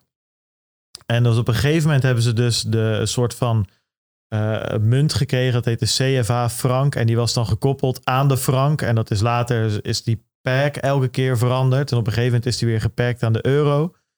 Ehm, en eh, ze zijn onafhankelijk sinds 1960. Maar wat dus een beetje het, het, ding is met dat land. ehm, en daar heeft Alex Gladstein volgens mij ook wel een goed artikel over geschreven. Maar ik zat laatst ook een boek te lezen. Dat gaat over, eh, dat heet Schuld, Debt, Debt. Van ehm, eh, Da- David Graeber. Dat, die is dood, maar die inmiddels. Maar die heeft best wel een paar goede boeken geschreven over dit soort dingen. Het is echt ongekend, zeg maar. Die, die, die Afrikaanse landen zijn eerst gekolonialiseerd. En daarna eh, werden ze weer onafhankelijk. Maar toen heeft Frankrijk en andere westerse landen... die hebben wel gezegd van... oké, maar dan moet je wel geld terug gaan betalen. Dus die zijn soort van... Om, door onafhankelijk te worden zijn ze weer opeens... hebben ze superveel schulden gekregen. Dus ze staan daar gewoon niet best voor. Daar komt het eigenlijk op neer. Eh, veel burgeroorlogen, veel coups. Ehm, ja, het is gewoon een pleurensootje eigenlijk wat dat betreft. Dus dat, eh, dat is een perfect land natuurlijk om eh, met bitcoin te beginnen, weet je. Kijk, als je sterke munt hebt en een, en, en een stabiele regering... dan heeft, het blijk, heeft het blijkbaar niet echt zin. Blijkbaar zijn dit toch de landen die zoiets hebben van... ja, niet geschoten is altijd mis. En Peter, ik zag dat jij daar ook een, een draadje over geschreven had. Dus misschien, ehm, ja, dat, dat, want dit is de inleiding over het land zelf, zeg maar. Maar wat hebben ze nu precies gedaan? En wat weten we nou eigenlijk van, ehm, van de Bitcoin cryptocurrency wet die ze geïntroduceerd hebben? Ja, heel eerlijk. ik, eh, ik kan er niet heel erg veel, eh, zeg maar, ik kan er geen lekkere soep van maken, laat ik het zo zeggen. Want eh, ja, in eerste instantie kwam ik allemaal, ehm, nee, het was eigenlijk vorige week zaterdag, of afgelopen zaterdag denk ik dat ik het voor het eerst tegenkwam op Forbes of zo. Ja, De Monaco-versie van Forbes. Eh, en, en daar werd iets gez- gezegd over ehm, legal tender status van Bitcoin, geloof ik. Toen was het meteen... Maar dat, werd, dat was niet te controleren, want het het was, was al- wel mega breaking news Ja, maar op dat, Twitter. dat was dus alleen die, die, die Monaco-versie van Forbes en wat Franstalige websites. En toen kwam later, kwam volgens mij vanuit de president een persbericht, of vanuit zijn office. Ja. Ehm, en een Twitter-account waarvan mensen ook niet precies wisten of het nou wel of niet de president was. Dat werd dan later geverifieerd. Daar werd Bitcoin genoemd. En nog wat later werd ook de wettekst gepubliceerd. Althans, ik kwam hem tegen. Ja. Ik, ik, heb niet de, de, de instantie gevonden die me... Ge, maar laten we even aannemen dat dat de wettekst is. En, en daar staat in dat het om cryptovaluta gaat en niet om bitcoin. Bitcoin wordt überhaupt niet, wordt alleen maar gen- genoemd als voorbeeld van een munt die gemined kan worden. Nou, in, dat, in die aankondiging stond wel... Van de president eh, wel, maar in de ja. wettekst dus niet. Nee, oké. Dus het is, het, is, het is niet, het is geen Bitcoin-wet. Het is een cryptocurrency-wet. En dan denk ik, hoe, hoe ga je dat ooit implementeren? Hoe- hoe ga je dat voor duizenden assets die dan in potentie legal tender zijn, hoe ga je dat dan doen? En, en, en hoe worden burgers daar precies ehm, beter van? En toen kwam ik later ook nog een stuk tegen ehm, waarin ja, toch ook wel eh, een klein beetje. ja, daar kwamen vooral veel lijken uit de kast. Eh, zo van. eh, ik weet hoe heet die vent ook weer? Jij hebt het opgeschreven. Ja, die heb, geloof ik heb hem ook staan. Hij staat ook in het Ja, ja, documentje. hadden het daar inderdaad over de zakenman Emile Parfait Simp. Nou, ik kende die naam niet, maar dat blijkt dus gewoon een loesje figuur te Een beetje zijn. de Vasco Rauw van... ehm, ja, nou, ja, nog een stukje schimmiger. denk Ik denk Ja. niet dat, dat, dat nog zelfs... wel- Als, nog, nog wel meer dan exposed Ja. protocol als dit. nou ja, maar, precies. Hè, dus dat is zeg maar de, de, de Ponzi-koning en zo. En, en nou, die schijnt dan toch cruciaal te zijn geweest eh, bij het door de, eh, zeg maar de, door het parlement eh, loods van die wet. Ja. Voor zover er een functionerend parlement is. En dus, ja, het is ook een corrupt bolwerk. Ja. Maar ja, is dat dan waar? Of, of is dit dan... En want als je die, twi- dat Twitter-account gaat bekijken van die eh, president... dan zie je, lijkt het alsof dat iemand is die bitcoin begrijpt... en eh, en daar nuttige dingen over zegt. Daar zie je niet aan af, nou, dat, dat gaat hier om corruptie of iets dergelijks. Nee. Of, het, of het, dit is iets wat, daar- waar, waar burgers last van krijgen. Niet te controleren, want eh, volgens mij is er wel geteld één journalist die daar voet aan de grond heeft en, en een soort van weet waar, waar het over gaat. Van, van de burgers zelf iets te horen krijgen is heel lastig, want ik geloof Nou dat 10% überhaupt precies, maar toegang eh, heeft tot internet. Dat, dat is natuurlijk wel en een, nog eh, minder hebben een smartphone. Ja, dus die burgers zelf, die hebben zoiets van, ja, die wet, I don't know. En en het maakt me ook niet zo heel veel uit. Die, die, die zeggen eigenlijk, ja, dit is, dit is iets voor de top 1% van ons land, want wij kunnen er niks mee. Dit is voor de elite. Ja, dat zit dan weer aan de kant van, ja, dat, dat er een, dat die wet doorheen is geloodst met andere, ja, met, zeg maar met andere bedoelingen. Ja, want als je een beetje doorfantaseert, kun je natuurlijk best wel misbruik maken van deze heel breed geformuleerde wettekst. Ja. Waarin je dus allemaal schimmige, bijvoorbeeld zelf gecreëerde ponzi's, kunt gaan gebruiken om te betalen tussen aanhalingstekens. Want ja, cryptovaluta moeten geaccepteerd worden op straffen van eh 10 tot 20 jaar gevangenisstraf en weet ik hoe, eh, hoe hoge geldboete. Dus al met al, ik was er niet, eh, ik was niet zo ondersteboven van. En dat komt dan dus vooral dat ik het gewoon niet goed kan, ja, kan niet, kan niet goed duiden. Ik weet niet wat, wat is nou wel waar, wat is nou niet waar. Ja, I don't know. Ja, nee, ik deel dat gevoel wel hoor. En het is ook dat je, dat je denkt van hoeveel, ehm, zeg maar, hoe kapot kan een land zijn? ehm, of hoe, zeg maar, eh, en ik bedoel, ik ben absoluut geen expert. Als Ik, heb net eh, gezegd dat ik nog nooit van het land gehoord had, zeg maar. Ehm, maar als je dan even zo leest, zeg maar, en, en vooral dan het, ding wat me nog het meeste, ehm, wat ik nog het lastigst vind, is inderdaad dat, dat blijkbaar maar 11% van de mensen daar toegang heeft tot internet. Ja, dat is natuurlijk best wel een ehm, belangrijk onderdeel van het kunnen implementeren van, van Bitcoin.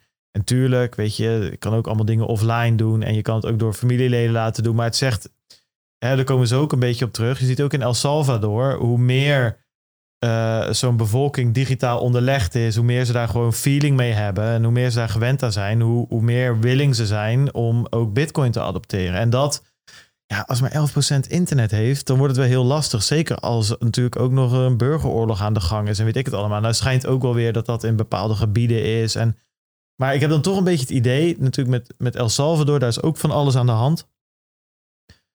maar dat daar net wat minder aan de hand is. En dat dat de technische onderlegdheid gewoon wat hoger is. Volgens mij heb ik dat ook, dat komen we zo nog wel verder op terug. Maar volgens mij heeft iets van, weet ik veel, eh tot zeker de helft. Maar goed, komen we zo nog wel even. Ik zie even kijken of ik hem heel snel sta. Sowieso de helft heeft internet. Iets in die richting. Dat gaat veel meer naar, Ja. naar, naar die kant toe dan naar die 10%. Wat natuurlijk best Maar wel dit is, dit is gewoon zo'n... Ik denk niet dat wij ons goed kunnen voorstellen wat het is om daar te leven. Nee. Ja, dit, dit is die, de, op de Democracy Index staat dit land op één na laatste. Dus het is Ja. nummer 266 van de 267. bijvoorbeeld. Wie staat de laatste? Canada dan Weet ik waarschijnlijk. niet precies. Oh, nee. Nee, het is niet de Democracy Index, maar van de index van Developing.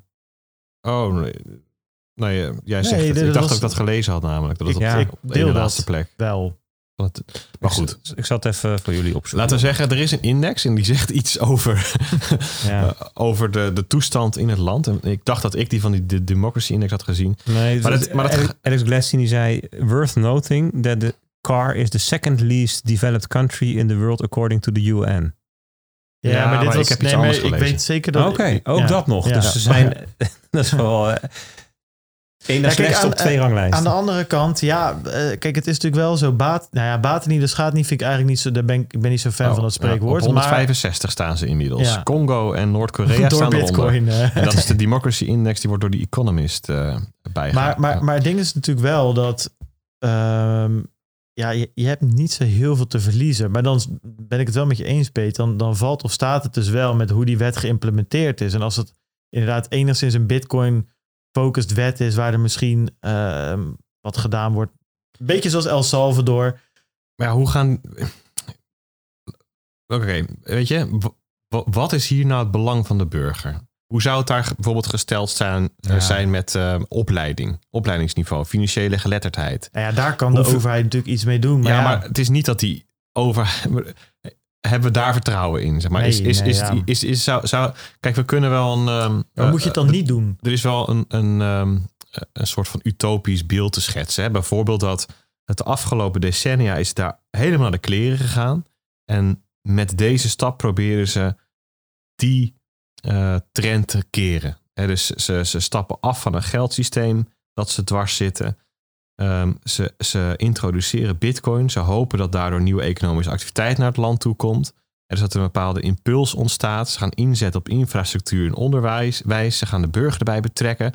Ze gaan corruptie uitbannen. Het wordt democratischer. Kijk, ik denk het niet.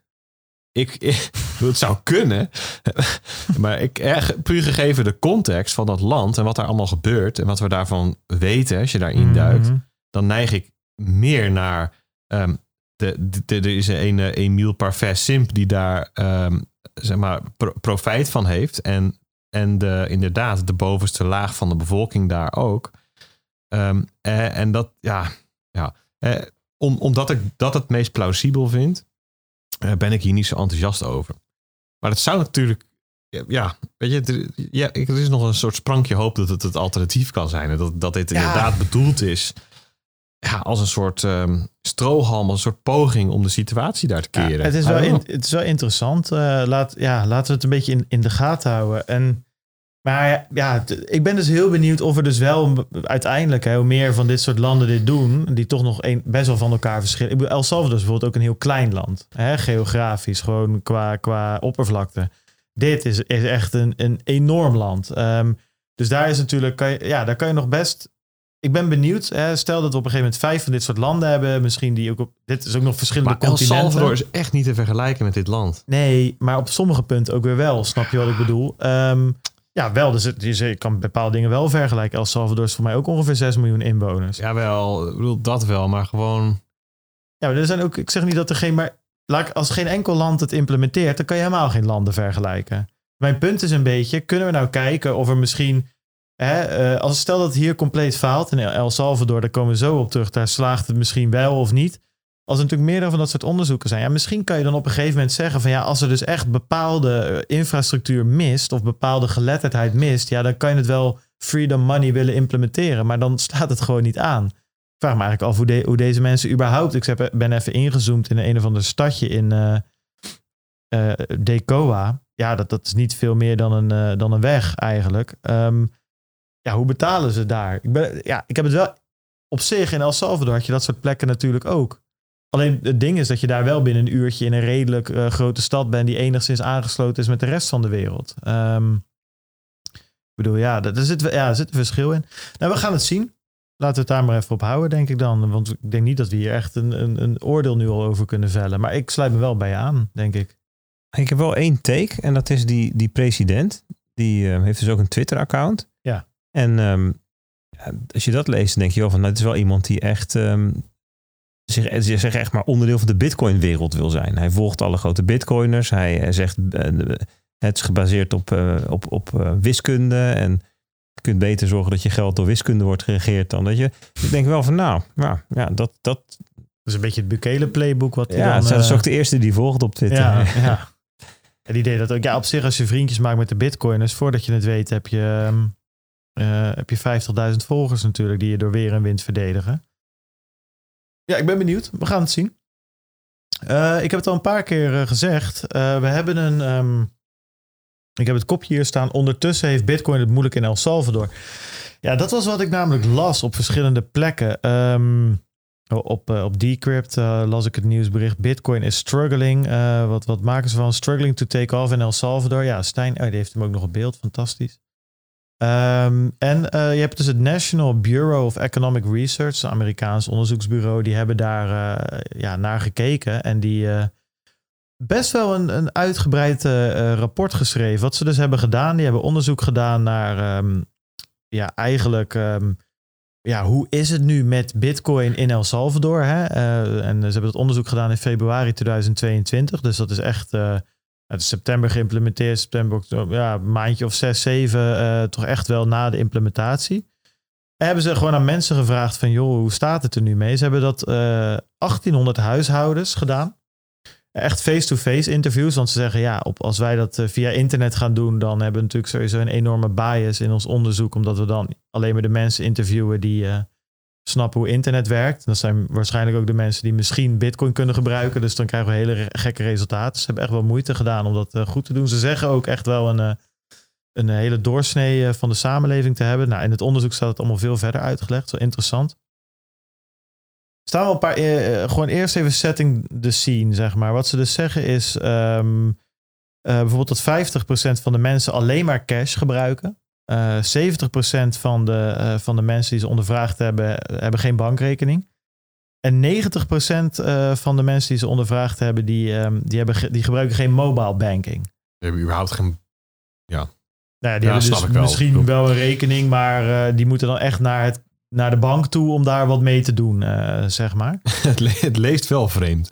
70% is unbanked en 90% van de mensen die unbanked zijn gebruiken niet mobile banking. Ja, ja dat zal het, eh, dat zal op het zich zijn. dat lijkt mij dat 100% van de mensen die unbanked zijn geen mobile banking gebruiken. Maar Het zijn hele speciale mensen, die laatste 10%. Ehm, dan hebben ze nog, oh ja, dit was ik naar op zoek net. Eh 65% van de, van de El Sa- Salvadoranen, die hebben wel toegang tot een mobiele telefoon met internet. Ja, dat is natuurlijk wel een enorm verschil als je dat vergelijkt met die 11% in, Ja. eh, in Afrika.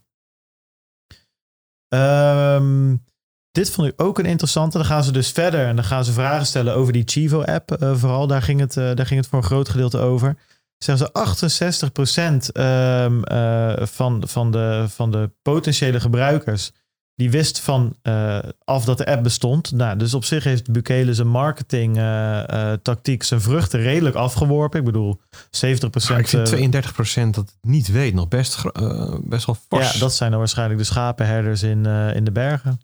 Nee, want ze hebben 1500 of 1800 huishoudens. Ja, oké. Ja, zou- nee, zou- zouden ze ook... Ja, Ja, nee, dat ze, ze zeiden dus dat daar dus ook de schapenherders Ja, eh, tussen zitten. Wel in, in, eh, in, hoe noem je dat? In ehm, allemaal op, op hun eigen gewicht, zeg maar. Dus ze hebben geen eh 1800 of 900 schapenherders eh, gevonden.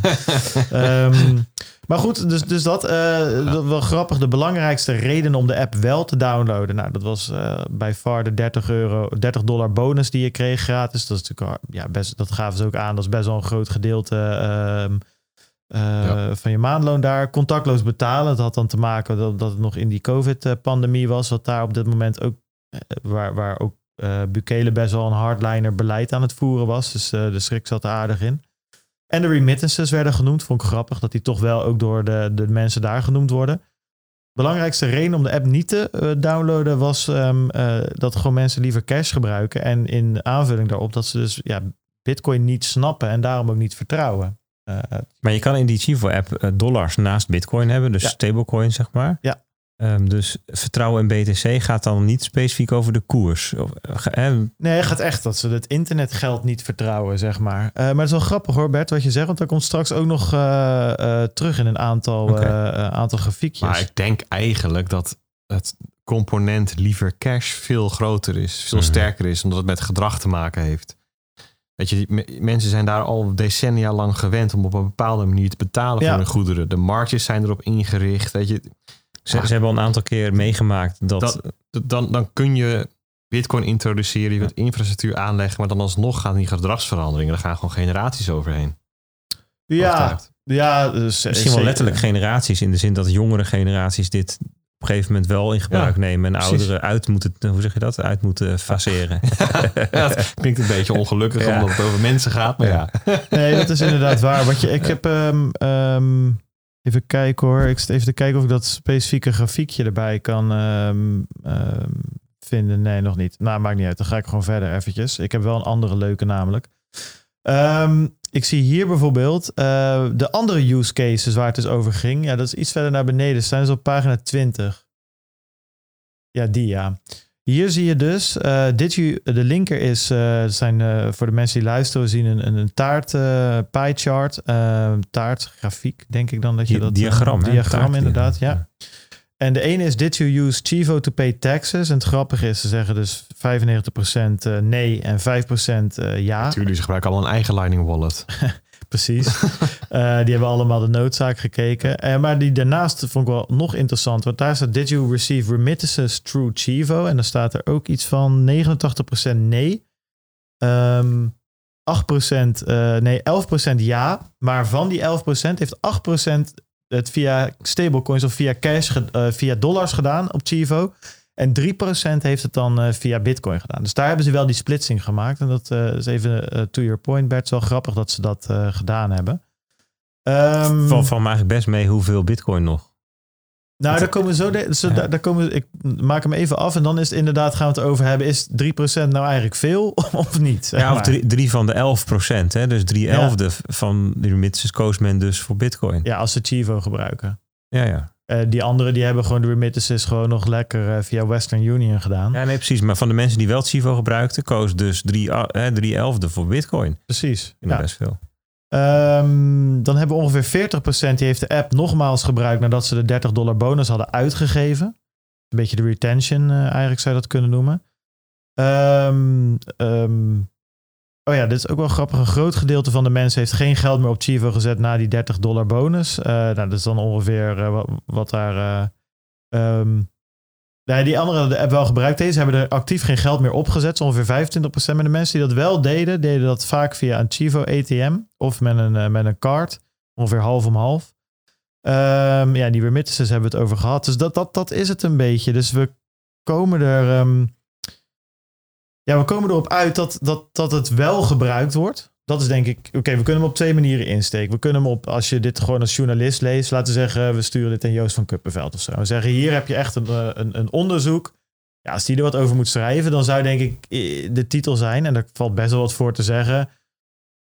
Bitcoin-adoptie stagneert... eh, of Bitcoin-adoptie miniem zeven maanden na introductie... of iets dergelijks. Want ja, ja, ik bedoel, als 95% van de mensen... gewoon nog naar Western Union gaat... dan, dan kan je dan van adoptie spreken. Aan Nee, de andere kant, als je een positieve insteekt... 5% na een half jaar... Ik zou denken dat hij zou zeggen, 5% van de El Salvadoranen blijkt libertarische psychopaat. ja, dat zou ook nog kunnen, ja. ja dat, sluit, dat sluit ik ook niet uit, inderdaad. Ja, welke kant staan we, eh, jongens? Wat, wat, wat... Ik, ik moet zeggen, persoonlijk, ik zal hem aftrappen. Eh, ik sluit me net helemaal aan bij Peet's verhaal over eh, de Centraal-Afrikaanse Republiek, waar ik eigenlijk niet zo heel veel van kan maken. Ja, ik vind dit, als ik het zo lees, eh, dit, dit, dit onderzoek en, en de cijfers die erin staan, denk ik, nou, ik ben hier best wel positief over. 10% hier, 5% daar, in een land wat heel erg ehm, eh, leunt op cash, waar mensen keer op keer zijn bedrogen door de overheid, door instanties, waar het vertrouwen in instanties al jarenlang enorm laag is. Vertrouwen in de overheid enorm laag is, waar mensen heel erg dus eh, ja, heel erg houden van cash in hun handen hebben, omdat dat de enige manier is om, om, om niet genaaid te worden, om het plat te zeggen. Ja, nou, dat er dan toch her en der 5% hier, 10% daar. 10 maanden, of eh, wat hebben we, 6, 7 maanden na de introductie. Ik vind dat best positief eigenlijk. Ja, ik denk dat je niet moet vergeten ehm, dat er een flink gedeelte van dat land, van die mensen, eigenlijk wel wat beters aan hun kop hebben dan nieuwe technologie uitproberen. Die moeten gewoon overleven. Die moeten gewoon werken, moeten gewoon zorgen voor rijst op tafel. Die moeten gewoon zorgen dat ze een toekomst voor hun kinderen kunnen organiseren. En um, weet je, dat betreft is wel, als je vanuit je Nederlandse luxe positie denkt, dan denk je van, ah ja, dan ga je het toch even uitproberen en zo. Maar ja, je, Dat, hebben ook veel mensen dus wel gedaan. Ja, ja, ja, maar ik bedoel, dit is, dit, dit, dit- voor mij is dit een ehm, argument om te zeggen, dit, het is best wel veel eigenlijk. Van de mensen die er echt wat mee gedaan hebben en die het ook zijn blijven gebruiken. Want er is ook gewoon een, een flink stuk van dat volk die er helemaal met zijn kop geen tijd voor heeft om daar eens een beetje mee te gaan zitten kloten. Of het risico niet kan lopen, weet je wel. En als je die eraf trekt, nou, dan is het dus eigenlijk nog veel meer. Ja, Nee, ik- ik- vind sommige dingen ook een klein beetje misleidend hoor. Die, die remittances bijvoorbeeld. Dan heb je 89% nee. Er staat onder eh, dat het gebaseerd is. eh, Zeg maar, de conditie om opgenomen te worden in die cijfers is dat je de Chivo-app gedownload hebt. Ik vind ja, weet je, daar zit dus ook een hele bak eh, respondenten tussen die überhaupt geen remittances ontvangen. Weet je, de, de, maar ook eh, een hele bak mensen die die app niet gedaan De vraag heeft. is dus vooral van welk deel van de populatie van El Salvador ontving al remittances, is daarvan afhankelijk. Dat is dus niet representatief, deze, dit taartdiagrammetje. Eh, ik wil eigenlijk weten van welk, welk deel ontvangt vanuit het buitenland geld en welk deel daarvan doet dat nu via Bitcoin. Ja, ja, ja. En ik denk, ja, dan kijk ik liever alleen naar die 8 en 3 procent. Dat vind ik dan best wel indrukwekkend, eerlijk Ja, gezegd. 20% van de GDP was remittances. Hè? Dus als dat een beetje Ja, proportioneel nee, is. Ja, dat denk precies, ik niet. ja. Ik denk eigenlijk dat, dat, dat het niet proportioneel is. Dat een veel kleiner deel vanuit het buitenland een best een groot deel eh, van het GDP verzorgt. Omdat Dan- je in het buitenland nou eenmaal... Dat suggereert dat praktisch iedereen nu eh, Chivo gebruikt. Nou, ik, maar goed. Dus dat zit, dat, daar heb ik nog een beetje een... eh daar zit nog een beetje op de kou. Van hoe, moet je, hoe moet je dit nou interpreteren? Maar ehm, ja, ik ben niet... Ik, ik, ik vind het best, eh, best netjes eigenlijk. Na, na, zo'n, na een jaartje. Eh, Vijf met, maanden. Met, ja, ja, inderdaad. September naar Nog veel februari. korter. Ja, ja. Hè, en eh, een populatie die voor een deel helemaal niet gewend is om, om digitaal te betalen. Ah, Ja, ik heb hier bijvoorbeeld hè, ehm, eh, 40% die die Chivo-app heeft gebruikt na die, nadat ze de 30 dollar bonus hebben ehm, uitgegeven. En dan bijvoorbeeld bijna 20% die hem daarna weer volgeladen heeft, of in ieder geval eh, opgeladen heeft, eh, door zo'n ATM te gebruiken. Ja, goed, dat vind ik. Dat, is- Ja. ja. maar inderdaad, dat is goed dat je het zegt hoor, Peter. Dan zijn we inderdaad wel een paar dingen. Dan moet je altijd even opletten dat ze er wat mits en maar aan zetten. Dat je opeens weer naar een subpopulatie loopt te kijken. maar ik, snap, eh, ik snap heel goed als je in El Salvador woont. Je hebt zo'n app op zak, maar, maar, maar overal waar jij komt is gewoon de cash-economie nog leidend. En praktischer, sneller, handiger. Ja, dan, dan, hè, en je bent dat zelf gewend. Hè, dat is denk ik een heel belangrijk deel ervan. Maar dan ga je toch minder vaak even je app uit tevoorschijn toveren. Eh, maar dan pak je gewoon toch even dat geld dat je in je zak hebt zitten. Nee, nee, zeker. Maar daarvoor vind ik het dus gewoon wel... Ja, vind ik een, eh, eh, meerdere procenten her en der... vind ik dan toch ehm, Ja. interessant. Hier bijvoorbeeld... ehm, even kijken. What share of businesses accept each eh, payment method? Dat is ook wel interessant. Zie je cash? Nou, dat is natuurlijk bijna 100%. Eh card, dat is wel grappig hè? Eh, card. Nou, laten we hem even pakken op eh 25%. eh, als ik even naar de, naar de grafiek kijk. 25 procent. Dus in Nederland is dat letterlijk, kan je tegenwoordig bij, bij zelfs bij elke patatbakker zo ongeveer Ja. met, met kaart betalen. Maar daar staat Bitcoin, Bitcoin, Bitcoin. ongeveer rond de 21. Dus zeg maar, cardbetalingen en Bitcoin betalingen, die liggen best wel dicht bij elkaar. Dat vind ik. Nou, ik denk dat je het signaal een beetje in dat soort dingen moet zoeken. En dat cash nog, nog, nog, nog een tijd leidend zou zijn, dat, eh, dat, dat is inderdaad, eh, dat ben ik helemaal met je eens. Ehm, ja, dat waren zo'n beetje. Het is interessant. We zullen eventjes... ehm, Maar goed, het is wel makkelijk om een aantal grafiekjes en gegevens eruit te halen en te zeggen van joh, eh, het doet helemaal niks, maar het is een... eh, Ja, je kan er beide kanten mee op. Het is, het is een mooi onderzoek om eh, beide kanten op te cherrypicken. En ik hoop dat wij een beetje, nou goed, een beetje van beide kanten hebben laten zien. Ehm, ja, even kijken. Wat zou ik er eens even... ja, wat zullen er eens... zullen er eens uitpakken. Eens even kijken. Is iedereen er nog? Eh, hoe zitten we daar? En 100 kijkers. Nou, dan zijn we toch mooi... eh, oh, 96. Ja, dan ga je. Feyenoord 1-0. Ja, dan weet je het wel. Ja, hoe staan ze ervoor, jongens? Is het 2-0 eh, is 2-0 zelfs al? Ja. Heerlijk, 23e minuut. Nou, dan kan je naar ons. Maar ja, dat, dat, dat hoort niemand natuurlijk als ze Feyenoord zitten te kijken. Ehm, hebben jullie de, de, de, eh, de rompslomp gehoord rondom Compass Mining? De, de, daar was wel wat aan de hand Bedoel je nadat er eh, iets, over, iets met sancties eh, werden afgevaardigd Ja. rond bitcoin Ja, miners? Ik zag een, um, en in, in, in, niet not your keys, not your coins, maar um, not your Yes. racks, not your hash rate. Not your of Ja, zo. six, ja, not your hash rate. Ja, het grappige is dat, eh, dat die las ik ook. En het, het mooie is dat het dus eigenlijk wel je racks zijn. Eh, en dat het dus ook daarom jouw probleem is. Want jij hebt ervoor gekozen om ze in Rusland te stallen. Eh, dat is een beetje het ding hier. Nee, ja, ik vond het. ik las op Twitter. Kwam ik erop omdat ehm, eh, er worden heel veel podcasters, internationale podcasters, gesponsord door Compass Mining. Dus die werden er nu met z'n allen op aangesproken van ja jongens, jullie lopen dat wel te verkondigen, maar mijn racks eh, staan in Rusland en ik krijg dit mailtje en ik, eh, ik ben mijn geld kwijt. Daar kwam het een beetje op neer. Dus ik kwam het op die manier op het spoor. Toen ging ik dat eens even opzoeken. Vorige week hadden we het over, hadden we een sanctierondje. En daar kwamen de sancties. Dus dat er voor het eerst door de Amerikaanse ja, eh, sanctieoplegger, ik weet niet welk department eh, het is die dat doet. Ja. Ja. Die hadden sancties tegen een Russisch bitcoin mining bedrijf. Dat is BitRiver AG. Die zit inmiddels in, eh, die zagen het al aankomen, zaten in Zwitserland? Vandaar ook die AG waarschijnlijk. Maar nog steeds sancties. En Compass Mining, je moet het zo zien, Compass Mining, ja, het is niet echt cloud mining, maar wat ze doen, je kan bij Compass dan gewoon een miner kopen en dan is die ook echt van jou. Dat is gewoon een, eh, koop je gewoon een eh Endminer S19 of whatever.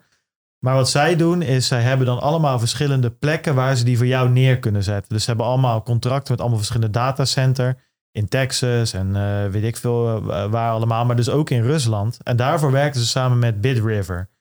Ehm, dus jij kon dus een miner kopen en dan kon je zeggen: Oké, ik wil hem in Rusland neerzetten op zo'n serverpark van BitRiver. En ehm, nou, dat was heel interessant, omdat daar natuurlijk de energieprijs eh, lager lag dan bij de mining farms in Texas. Als je nu kijkt op de website, dan zie je bijvoorbeeld staan volgens mij 7,5 cent per kilowattuur of zo in Texas. Nou, dat lag hier lager. Dus mensen kozen daarvoor, omdat je natuurlijk dan een hogere winst hebt en dan verdien je miner eerder terug. Nou, en je kent het wel. Ja, het probleem is dus dat ehm, ze op een gegeven moment dus een mailtje stuurden. eh, en die is op Reddit dus weer door iemand geplaatst. Ehm, ja, het komt er eigenlijk op neer. Ja, jongens, ehm, pech. Jullie hebben pech. Miner weg. Want ja, door de sancties hebben we direct al onze contracten met BitRiver moeten verbreken. Dus jullie miners staan in Rusland. En ja, we kunnen ze ook niet zomaar terughalen. En we kunnen ze ook niet aan BitRiver verkopen. En het is allemaal moeilijk, moeilijk, moeilijk. Ehm, dus wat we gaan doen, en dat hebben ze gezegd, en dan staat er ook bij van je, als je dat wil, kun je een formuliertje invullen. Gaan ze gewoon proberen om die hele partij aan miners te, te, te liquideren. Dus eh, ja, een soort van marktverkoop te doen en met dat geld dan een soort toch wel weer de klanten terug te betalen. Ja, het is wel lullig als je daar eh, middenin zit. Nou moet ik ook wel zeggen, ik zag bijvoorbeeld Marty Bent en ehm Matt Odell, die werden er heel erg op aangepakt. Omdat zij eh Compass Mining als sponsor hadden gebruikt. En ze, die zeiden ook van ja, hadden we nooit moeten doen. En eh, het was ook een, een slecht idee en bla bla bla. Ja, dan vind ik ook wel als consument hè, van eh, Compass Mining pleit je jezelf dan ook wel vrij van enig, enige verantwoordelijkheid. Want jij Ja, hebt ervoor gekozen om je miners in Rusland neer is te toch gewoon een zetten. soort ice-safe dit? Van ja, je bent op zoek naar het allerlaatste procentje, tiende procentje rente wil je er nog even Ja. uitpersen uit die vaatdoek. En dan, ja, dan gaat het tent failliet. Ik bedoel, neem, je, kiest er zelf voor om die shit in Rusland neer te zetten. Ja, het is natuurlijk wel vervelend. Nee, Hè, nee, eh, sure. dus en, en, en, en er zit ook echt wel, ik vind dat de manier hoe Compass Mining het niet communiceert, ook naar buiten toe. Je, kun- je vindt helemaal niks nergens. Ehm, Eh, vind ik best wel een beetje, een beetje vreemd. Eh, Ja. Dus die hebben daar ook echt wel eh, wat over te zeggen. Ze blokkeren ook iedereen op Twitter die er wat over zegt. Het is een beetje... ehm, Weird. Nou, dat is wel on- onvolwassen gedrag. ja, ik vond het wel raar. Ik zat juist een beetje naar die partij te kijken. Dat ik dacht, ja, misschien is het wel een keer leuk om eh Satoshi Radio, eh, eh, eh, geen nood, maar dan een miner aan te schaffen, weet je wel. Ze hebben ook voor... voor- Ja, het is net even niet leuk, zo'n geintje, want je betaalt 6 eh, tot 8000 euro voor een beetje instap miner en dan verdien je een tientje op een dag. Ja, ben je ook weer twee jaar bezig om dat ding een keer terug te verdienen. Ehm, dus, eh, nou goed, anyways, eh, ik vond het even interessant om, eh, om, om, om mee te pikken. Ander Bitcoin mining verhaal vond ik wel ook ja, opvallend. Ik had vorige week wilde ik ook zo'n onderdeeltje doen. Maar toen bleek het te gaan over allemaal miningpartijen die geld op wilden ha- gaan halen. De ene wilde 500 miljoen daar en de ander 300 miljoen daar. En noem het maar op. Maar ja, dat ze dat willen. Kijk, ik wil ook 500 miljoen ophalen. Maar het is me tot op heden nog niet gelukt. Dus daar, daar zit niet zo heel veel nieuws in natuurlijk. Maar er is dus nu een eh, miningbedrijf. Crusoe Energy. Crusoe Energy. Misschien wel vernoemd naar eh, onze, onze schipbreukeling en zijn avonturenboek. Die hebben 505 miljoen opgehaald. En dat is wel interessant, want eh, zij zijn de partij, of een van de partijen, dus, die dus vol gas inzetten op die flare gas mining. Dus dat eh, eh, ja, als er gas afgefakkeld moet worden, dat ze dan in plaats van het affakkelen, dat ze die energie of dat gas gebruiken om eh, miners aan te vuren. Letterlijk. Ehm, en ze hebben 350 miljoen opgehaald met een Series C. En ook nog eens 155 miljoen in de vorm van een lening. Ja, dit zijn wel bedragen waar, waar, waar je wel de runway mee hebt. Zeg maar. je, dit zet wel zoden aan de dijk, heb ik het idee. Dus dat is interessant. Wat willen ze gaan doen? 100 nieuwe mensen toevoegen aan hun- team, wat al bestaat uit 157 mensen. Interessant. Ehm, dit zijn toch, ja, dit, dit is wel signaal naar mijn mening. Dat is gewoon eh, korte nieuwtjes, maar dat, dat zegt toch wel wat. Ehm, iets anders wat ik heel vet vind, dat zit dan in een ander eh, onderdeeltje van, eh, van onze scope van dingen die we volgen. Lightning, Lightning Network, Amboss eh, Technologies lanceert een nieuwe Lightning Liquidity Marketplace. Amboss kennen we, ken je misschien wel. Ehm, ja, van, je noemt het een Lightning Explorer, denk ik. Een soort eh, Mempool Explorer, Blockchain Explorer, alleen dan voor Lightning, waar je dus nodes eh, kan, kan checken hoe groot ze zijn, hoeveel kanalen ze hebben. Iedereen gebruikte 1ML, maar sinds dat Amboss er is, gebruikt iedereen Amboss. Dat hebben ze heel tof gedaan. Echt leuke functies, luisteren. Ja, ze zijn heel erg, zitten heel erg in die community. En dat is natuurlijk wel wat Lightning sterk maakt. En dat hebben ze heel goed gezien. Eh, en we hebben het ook al vaker over gehad. Hè. Het is niet voor niks dat we inmiddels al 136 Rings of Fire eh, hebben gedaan. Eh Jury en, eh, en Stef en Ed, die daar enorm veel tijd in, in steken, de toppers. Ehm, en dat doen we omdat die liquiditeit, dat is moeilijk. Kanalen openen is op zich niet heel moeilijk, maar ze in balans houden en vooral liquiditeit aan de andere kant hebben, hè, Ja. zodat je betalingen kan ontvangen, blijft lastig. Er zijn wel marketplaces, eh, maar die zijn dan weer moeilijk te gebruiken. Eh zijn best wel technisch. Dan moet je ook wel op je nood wel enigszins snappen wat je doet. Ja, en dit is een dienst die daar eh, met ja, een minimale vorm van soort van centrale sturing, met een reputatiesysteem bijvoorbeeld en bepaalde invoices die ze gebruiken, gaan ze toch proberen dat jij heel makkelijk eh, daar naartoe kan om eh, liquiditeit aan te bieden. Stel, jij hebt nog 10 miljoen sats over, kan je zeggen, nou eh, prima, ik wil een kanaal openen met deze fees en dit en dat. En nou, dit wil ik daarvoor hebben. Ja. En iemand anders kan daarvoor betalen en dan open jij het kanaal. Het is hartstikke interessant. Ehm, ja, ik ga denk ik binnenkort eens even proberen. En ja, wel weer leuk dat dat soort dingen ook weer Beetje ontwikkelen. op een plek vallen, enigszins. Dus dat vond ik wel gaaf nog om te zien. Ehm, ja, dus dat waren even, even wat, eh, wat, wat, wat, wat, wat korte nieuwtjes eh, achter elkaar. Ehm, Mooi, doe je goed. ja, eventjes gewoon even, Ja. even, even lekker. Zijn we daar ook weer eh, even, even lekker op de hoogte. Ja. Over mining trouwens nog gesproken. Laatste dingetje. Fort Worth. Ja, voor what is worth. Zou, ik bijna willen zeggen. Die hebben een paar bitcoin. Ja, dit was zo'n ding wat dan super mega nieuws op Twitter is. En dan ga je het inlezen. En dan denk je van nou ja. Er zijn dus een paar miners gedoneerd eh, aan dat stadje. En daar heeft de gemeenteraad gezegd, nou prima, dan ga, steek- ga, doe maar een stekkertje ja, in. precies, steek de stekker maar Ja. in stopcontact en, eh, en, en we kijken wel eh, wat, wat er minder gebeurt. impactvol, denk ik, dan dat New York Proof of Work in een moratorium gezet heeft. ze hebben eigenlijk gezegd van Proof of Work is bij ons de komende drie jaar niet meer welkom. Dus in de staat New York. Ja, dat Dat was ook gisteren, eergisteren volgens mij. Ja, ik denk dat, dat, ik denk dat, dat, dat niet helemaal in balans, als je dat op een wip zet, dat dat wel heel erg neigt naar New het York. het is wel opvallend dat de verschillen binnen Amerika groter worden of zichtbaarder worden. Eh, Het contrast tussen de staten die ja, expliciet ehm, de ruimte bieden aan, aan bitcoin, bitcoin mining, eh, wetten maken ervoor. Ehm, zorgen dat banken zich te kunnen vestigen. eh, te zorgen dat developers niet kunnen worden aangeklaagd. Gewoon echt allemaal dingen doen. Denk aan Wyoming en Texas natuurlijk. Mhm.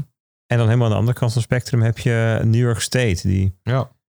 En dat zie je dus ook met landen. Hè? Landen die aanscherpen, landen die het allemaal wat alle touwen ja, want wat zagen we er net langskomen? Ehm, Panama.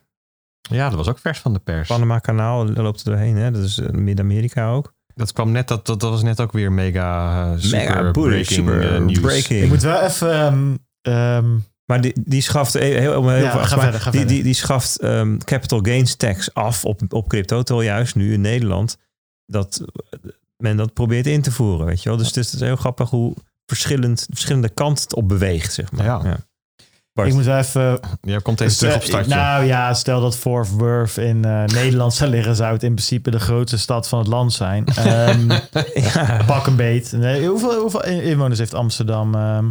1,2 miljoen. Oké, dan zou Amsterdam nog wel groter zijn. Ehm, nee, 800, eh 800.000. Nee, Fort Worth zou Oké. echt... ehm, ja, dat, eh, dat redt het wel. ehm 850.000 inwoners.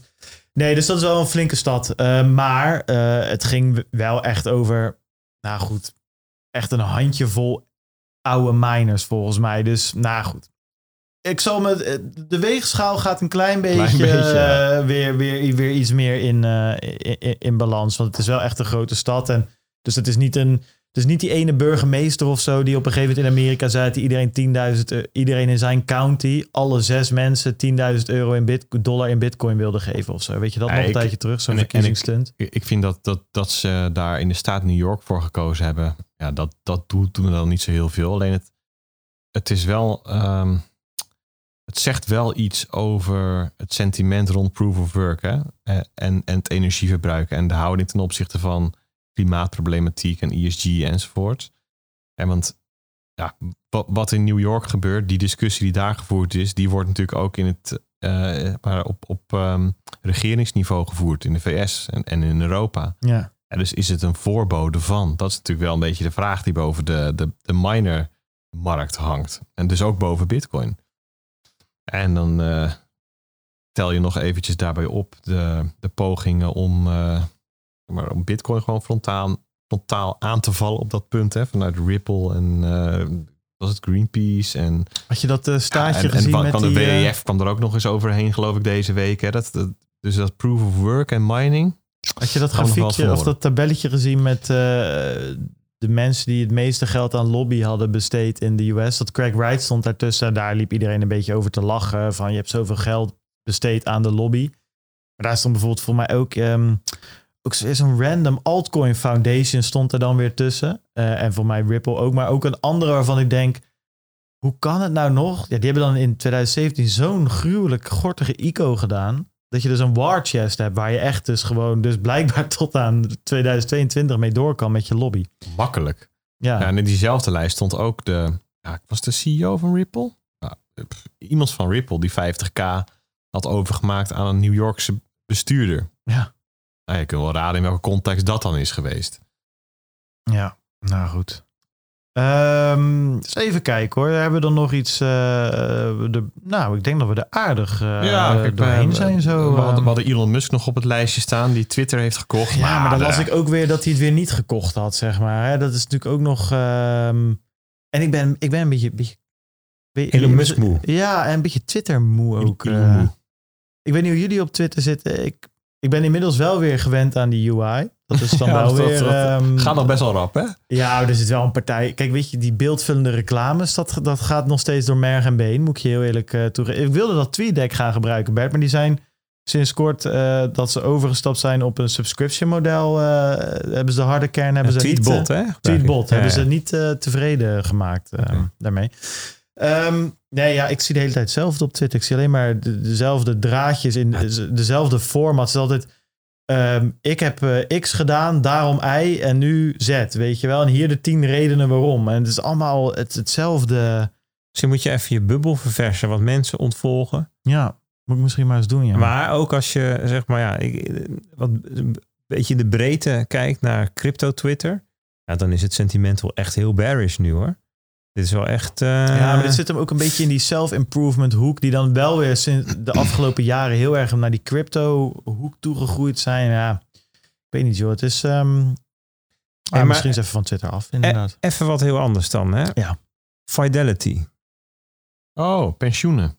401k. Ja, Pakken we die nog even Dat was ook nog deze week, ja. ja, dat, volgens mij was het gewoon eh eergisteren. Ja. En ehm, bij Fidelity kun je dus nu in je 401k retirement savings account. En Ja. dus, dus belast, voor, voor het belasting eh, gunstig voor- qua belasting sparen. Kun je ehm, bitcoin aanhouden. Maximaal 20% blijkbaar van je savings, als ik dit berichtje mag geloven. Maar Fidelity heeft 2,4 biljoen dollar aan pensioengeld in die 401k's. Dat zijn dus persoonlijke pensioenrekeningen. Dus anders dan in Nederland, daar heb je natuurlijk heel veel collectieve pensioenen. En dan zit je bij een fonds en dan leg je in en dan krijg je, als je dan met pensioen gaat, uitgekeerd. Wij gaan geloof ik ook overstappen hè, naar veel meer persoonlijke pensioen. Oh, dat is al een beetje hoor. Ik heb dat natuurlijk nog wel meegemaakt. ehm. Ja, je hebt beschikbaar premieregeling of zo. nee, maar je, je, je krijgt dan op een gegeven moment... Het is wel grappig hoor. Het is natuurlijk één grote eh, klerenbende. Zeker als je... Verschil, ik heb natuurlijk een bijbaantje gehad in de detailhandel... en heb je daar wat opgebouwd en zus. Het wordt dan allemaal een beetje verscheept. Maar ik zat als laatste bij Egon Capital volgens mij. En eh, daar, nou ja, goed, daar heb je een pers- persoonlijk pensioenplan. Je kan twee dingen doen: offensief of neutraal. Ja. Of defensief. Dus dat zijn de twee smaakjes. Dus dat is, dat is niet te vergelijken met dit, zeg maar. Ehm, maar dus je kan wel iets, Kan maar heel schuiven, weinig. Maar goed, bij, bij in zo'n 401k kan je dus ehm, ja, blijkbaar kiezen. En, en, en nou ja, dit is best wel een. eh, dat is interessant, denk ik. Ik ben Nou, benieuwd zeker, hoeveel. ja. hoeveel, eh, ja, Ja, zeker.